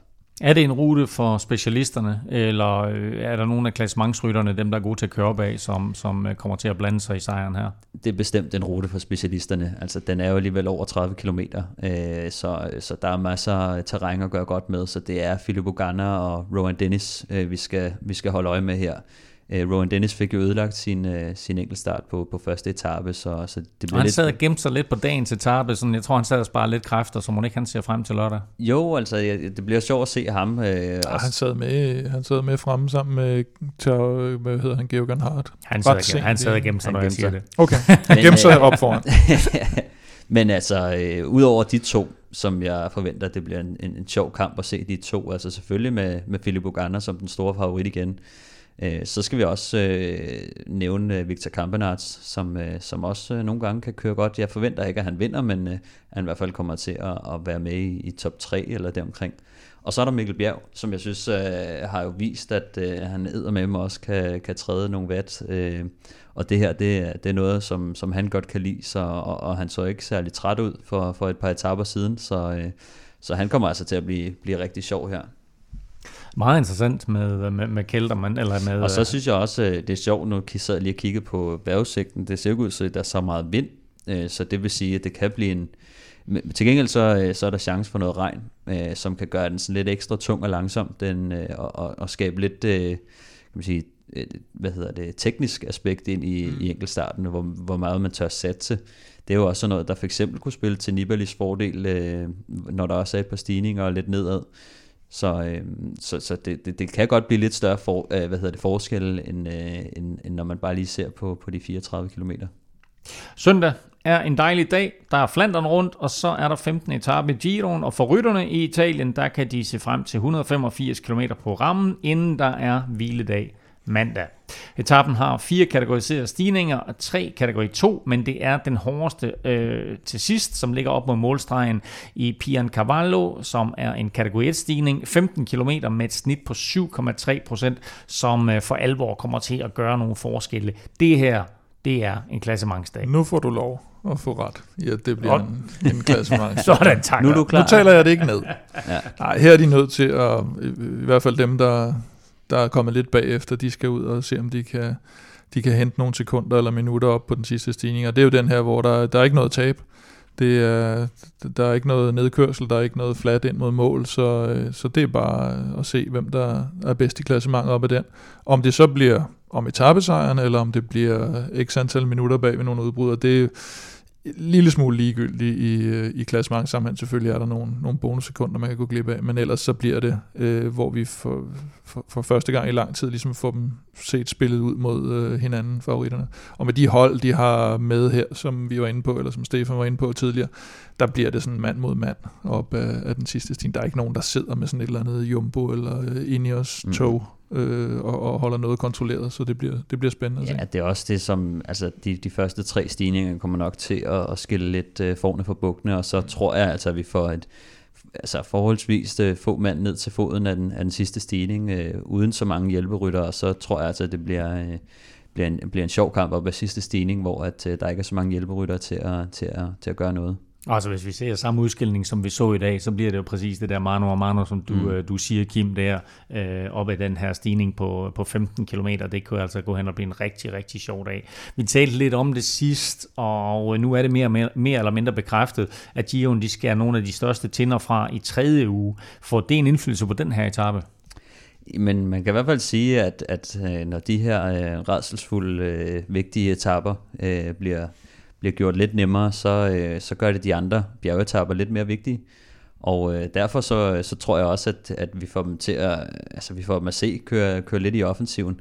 Og så også fordi der har været den her øh, snak omkring, altså hvor langt når det i forhold til corona.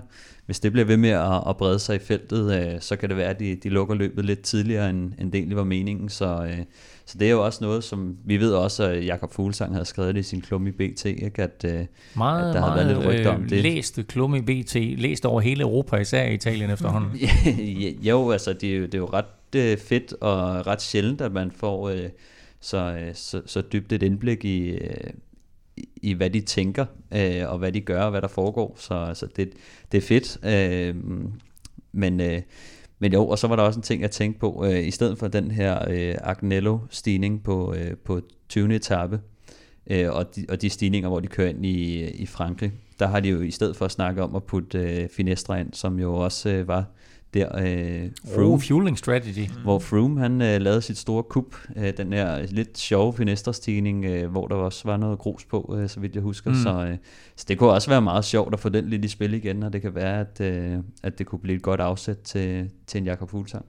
Det er altså ikke endelig bekræftet fra Giroen endnu, men der er altså snakket om, at både Stelvio og Agnello bliver pillet ud i tredje uge. Og så har vi jo den her øh, hviledag på mandag, hvor der igen skal coronatestes, og hvor vi kan risikere, at øh, Giroen helt bliver aflyst øh, efterfølgende. Men de så... vil også teste øh, mere end bare på hviledagen, ja, øh, men det, de. men, ja, ja, det er klart, men, men, ja. men, men det, er, det er egentlig bare på vej hen imod, det var, at vi kan jo risikere, mm. at den, der har den lyserøde førertrøje efter etappen på søndag, ja. også bliver kåret som vinder af Giro d'Italia. Vil Europa sponsoreres af Odset, der udbydes af danske licensspil? Odset tilbyder masser af odds og specials på alt det interessante ved cykelsporten. Husk, at man skal være minimum 18 år og spille med omtanke. Regler og vilkår gælder. Vanessa sagde det. Velropa er sponsoreret af Odset fra Danske Spil, og nu får du de sædvanlige spiltips, hvor Kim og Stefan jo har været rimelig, eller ikke engang rimelig, men usandsynligt skarpe her under Gio Detalja. Og derfor så glæder jeg mig til at høre, hvad I har på beding øh, nu her, og vi lægger naturligvis ud med Velropas vinder. Som gik hjem i øh, går med Demar Nå, det er meget på 14. etape, ja. Øhm, jeg har at uh, Porto Eller hvad var det? Var det, var det 14? Øh, Nej, det var 11. etape. 11. etape, ja. 11. etape, ja. Jeg er tæt på 14. Men Porto Vivo slutter foran Jakob Fuglsang på 14. etapes enkeltstart i uh, Giro d'Italia på lørdag. I, i Giro d'Italia. Godt. Til, boostet til 2,20. Okay, og hvorfor tror vi, at Porto Vivo ja, ender foran Fuglsang? Det er fordi, det gør han som regel, og fordi han altid er en undervurderet enkeltstartsrytter. Fordi han er sådan en lille Spire Vip, der sidder der. Og, han tager øh, ikke meget vind i hvert fald. Han tager ikke meget så. vind, men han, er jo, han, han, han burde ikke kunne, han er ligesom humlebien der, han burde ikke kunne køre en god enkeltstart, men han gør det faktisk som regel, øh, og flere gange ind sådan omkring nummer 20 i de der Grand Tour enkeltstarter. Det, det, det, tror og jeg nok. så kiggede jeg også på øh, lidt en statistik over det, mm. hvor jeg så, de har, de har jo mødtes i, i enkeltstarter øh, seks gange før, og på Tovivo har taget fem af dem. Ja. Så det, det var lidt mærkeligt det også, da jeg, øh, da jeg hørte den, men, øh, men det, det, det ligner altså, den, den er lidt mere fornuftig, end man lige skulle tro. Og så har han en bedre værmand end uh, Fuglsang har. vi skal til uh, Stefans uh, staldtip, som jo senest gik hjem, uh, som vi nævnte tidligere, med Arvid Deklein i Skelteprejs, som uh, gav odds 2,75. Hvad har du til os i dag? Vi skal lige lidt ned uh, i, i odds og, og, og lede efter noget mere sikkert. Wout van Aert slutter foran uh, Mathieu van der Poel i Flandern. Uh, oh, okay. det, er, det er den sjove duel jo, uh, synes jeg, og uh, jeg synes, at man, man har kunne se, at Wout van Aert har en lille, lille fordel i forhold til Van der Poel. Det så man i, i Gent, hvor de lå og battlede lidt, uh, mm. der, der kunne man se, og så så jeg faktisk også deres uh, statistik uh, head-to-head i år. Der har uh, de har mødtes fire gange, og uh, Wout van Aert har vundet alle, alle gangene. Han sagde jo også derefter Gent, han siger, men jeg var ikke bange for at komme hjem med, med Van der Poel. Nej, og det synes jeg også er lidt interessant, når man tænker på, at, at det faktisk er Van der Poel, der har haft de op og hand i cross, så er det jo Van Aert, der mm. har uh, taget den på landevejen. Han har bare set uhyggeligt stærk ud i, i år. Den Van Aert foran Mathieu Van der Poel, den uh, har vi alligevel fået op på 1,89. Så det er næsten to, to gange pengene igen. Uh, så det, det synes jeg alligevel er et, et meget pænt odds. Og du har jo nogen i, i, i lommen. Vi har et par, din, vi har et par staldtips, som jo stadigvæk ja. også ser, ser rigtig fornuftige ud. Altså, du har Pelle Bilbao i top 10, Giroen boostet til odds 1,93, og så den helt gode Vilko Kelderman i top 5, samlet til boostet til odds 5,5, så jeg håber, der er nogen ja, af jer derude, som uh, hoppede på den vogn tidligt. Vi skal uh, have fat i Plesners podie. Det skal vi, ja. Og der er vi så henne på søndagens Giro-etappe med, med den her sidste stigning. 15 km med lige godt 7% i snit. Og øh, der har vi netop øh, kældermanden i top 3. Og boostet til 2,20. Og jeg synes, ham og Porto Vivo har egentlig, altså udover Almeida, som jo har, har set uhyggeligt stærk ud, og det skal faktisk blive spændende at se ham på sådan en lang stigning, men det har mere været på de korte stigninger der, han har, han har set godt ud, så, så synes jeg Kelterman og Porto Vivo er dem, der har set, øh, set bedst ud på, på de sådan mere traditionelle stigninger. Krydder lidt med fuglsang nogle gange, og så fuglsang mm. ikke, ikke så mange gange øh, nogle andre gange. Så, øh, så den, øh, den kører vi med 220, og så har vi jo stadigvæk øh, en Dekönig Quickstep øh, på podiet i Flandern, som øh, fra sidste gang, der hænger lidt der. Men øh, efter hvad Askren sagde, så, øh, så kan vi vel godt spille på den, tænker jeg. Og måske Stadigvæk. bliver det altså uh, Julian eller Philippe. Uh, det var de tre uh, spiltip for jer to. Jeg synes, det er længe siden, at vi har haft et Claus' kup. ja, og, det er det øhm, og der har jo ikke været så meget Matthews, kup. tænker jeg? Nej, nej, nej. Jeg tænker simpelthen Peter Sagan i morgen. Øh, så Nå, ja. øh, på, på 13. etape der, øh, der, der tænker jeg, at den ligger lige til, til Peter Sagan. Ellers så skal Valverde jo køre Vueltaen, så der kan du få lov at, ja, det er at få dit kub igen. Nej, men der er ikke, der er ikke noget odds endnu øh, på oddset, øh, så gå ind og tjek i morgen øh, fredag, hvordan det lige går med, eller hvordan oddset er på Peter Sagan. Jeg, jeg er ret overbevist om, at han øh, kommer til at klare sig godt. Så skal man spille den jo. Så der, der, der, der skal man give den gas. Det var de, de tre spillesip. Porto Vivo slutter foran fuldsang på enkeltstarten lørdag, boostet til odds 220. Wout van Aert kommer ind foran øh, Matthew van der Poel i Flandern rundt søndag, boostet til odds 1,89, og så altså Vilko Kelderman i top 3 på 15. etape, der også er på søndag, boostet til odds 220. Det var dagens spiltips, bragt i samarbejde med Odds fra Dansk Spil. Stillingen i quizzen er Kim Plesner, 27, Stefan Johus, 25. Til gengæld, Stefan, så har du serveretten, og det vil sige, at du har mulighed for at svare først, eller give svarmuligheden videre til Kim. Spørgsmålet gik på en øh, meget, meget dygtig cykelrytter, som var skarp sådan primært i perioden fra 1985 til 1990. Han vandt øh, blandt andet Skelte Prize, Paris Tour, Brabantse Pejl, Amstel Gold Race og Liège Bastogne Liège. Og i 1986, der vandt han Flandern rundt Hvem er han? Serveretten er en sørgelig trøstelig i dag, og det, det, det, er måske, det er måske den værste periode øh, sådan tidsmæssigt, hvor at jeg øh, ved... Hvornår er du født? Er det 90? Det er 90, ja. ja. Jeg er så dårlig lige i den periode der, faktisk. Ja. Øhm, men, øh, men der var en ting, øh, jeg tænkte på fra, det var, var det sidste quiz, den, øh, hans navn var op at køre. Ar Argentin. Nej, det var min øh, fake quiz. Nå, det var din fake ja, det var lige Den har du lige fået. Det, det, det, det bliver, Nå, det den bliver mit bud. Du siger Moreno Argentin. Yep. Godt. Jamen, det er et fremragende bud, Kim. Men Hvis det er rigtigt, så er quizzen jo slut. Jamen, det er det ikke. Nå. Nå. Åh, oh, jamen altså, det er jo en... Og det er lidt mærkelige øh, løb, han har vundet samtidig, synes jeg. Han kunne lidt af hvert. Han kunne lidt af hvert, nemlig. 86 til 90. Det er jo lige før Rolf. Det er Ja, det er kun 11 år før Rolf. Nå, ja, men altså, Rolf han brød igennem der lige omkring 90, ja. ikke? Hvad fanden var inde der? Jeg ved det sgu ikke. det jeg ved slet Nå, det er rart, det er rart at, at du også... Øh, Jamen, jeg er helt, øh, helt blank. Altså, jeg er ude i sådan noget... Øh, Krikilion eller sådan et eller andet. Ja. Jeg ved det ikke. Ja, det, jeg siger Krikilion. Nej, det er godt. Og Krikilion er fuldstændig forkert. forkert. Uh, jeg vil give jer et hint, og det er, at han er hollænder. Det hjælper mig jo ikke en skid. Det gør, det gør det bare ikke, altså. Siger du pas? Oh, nu ved jeg, hvem det er. Nu tror jeg, jeg ved, Nej, hvem det du er. sidder bare og Jo, gør du. Hvad siger det gør du hver gang. Hvad siger du? Øhm,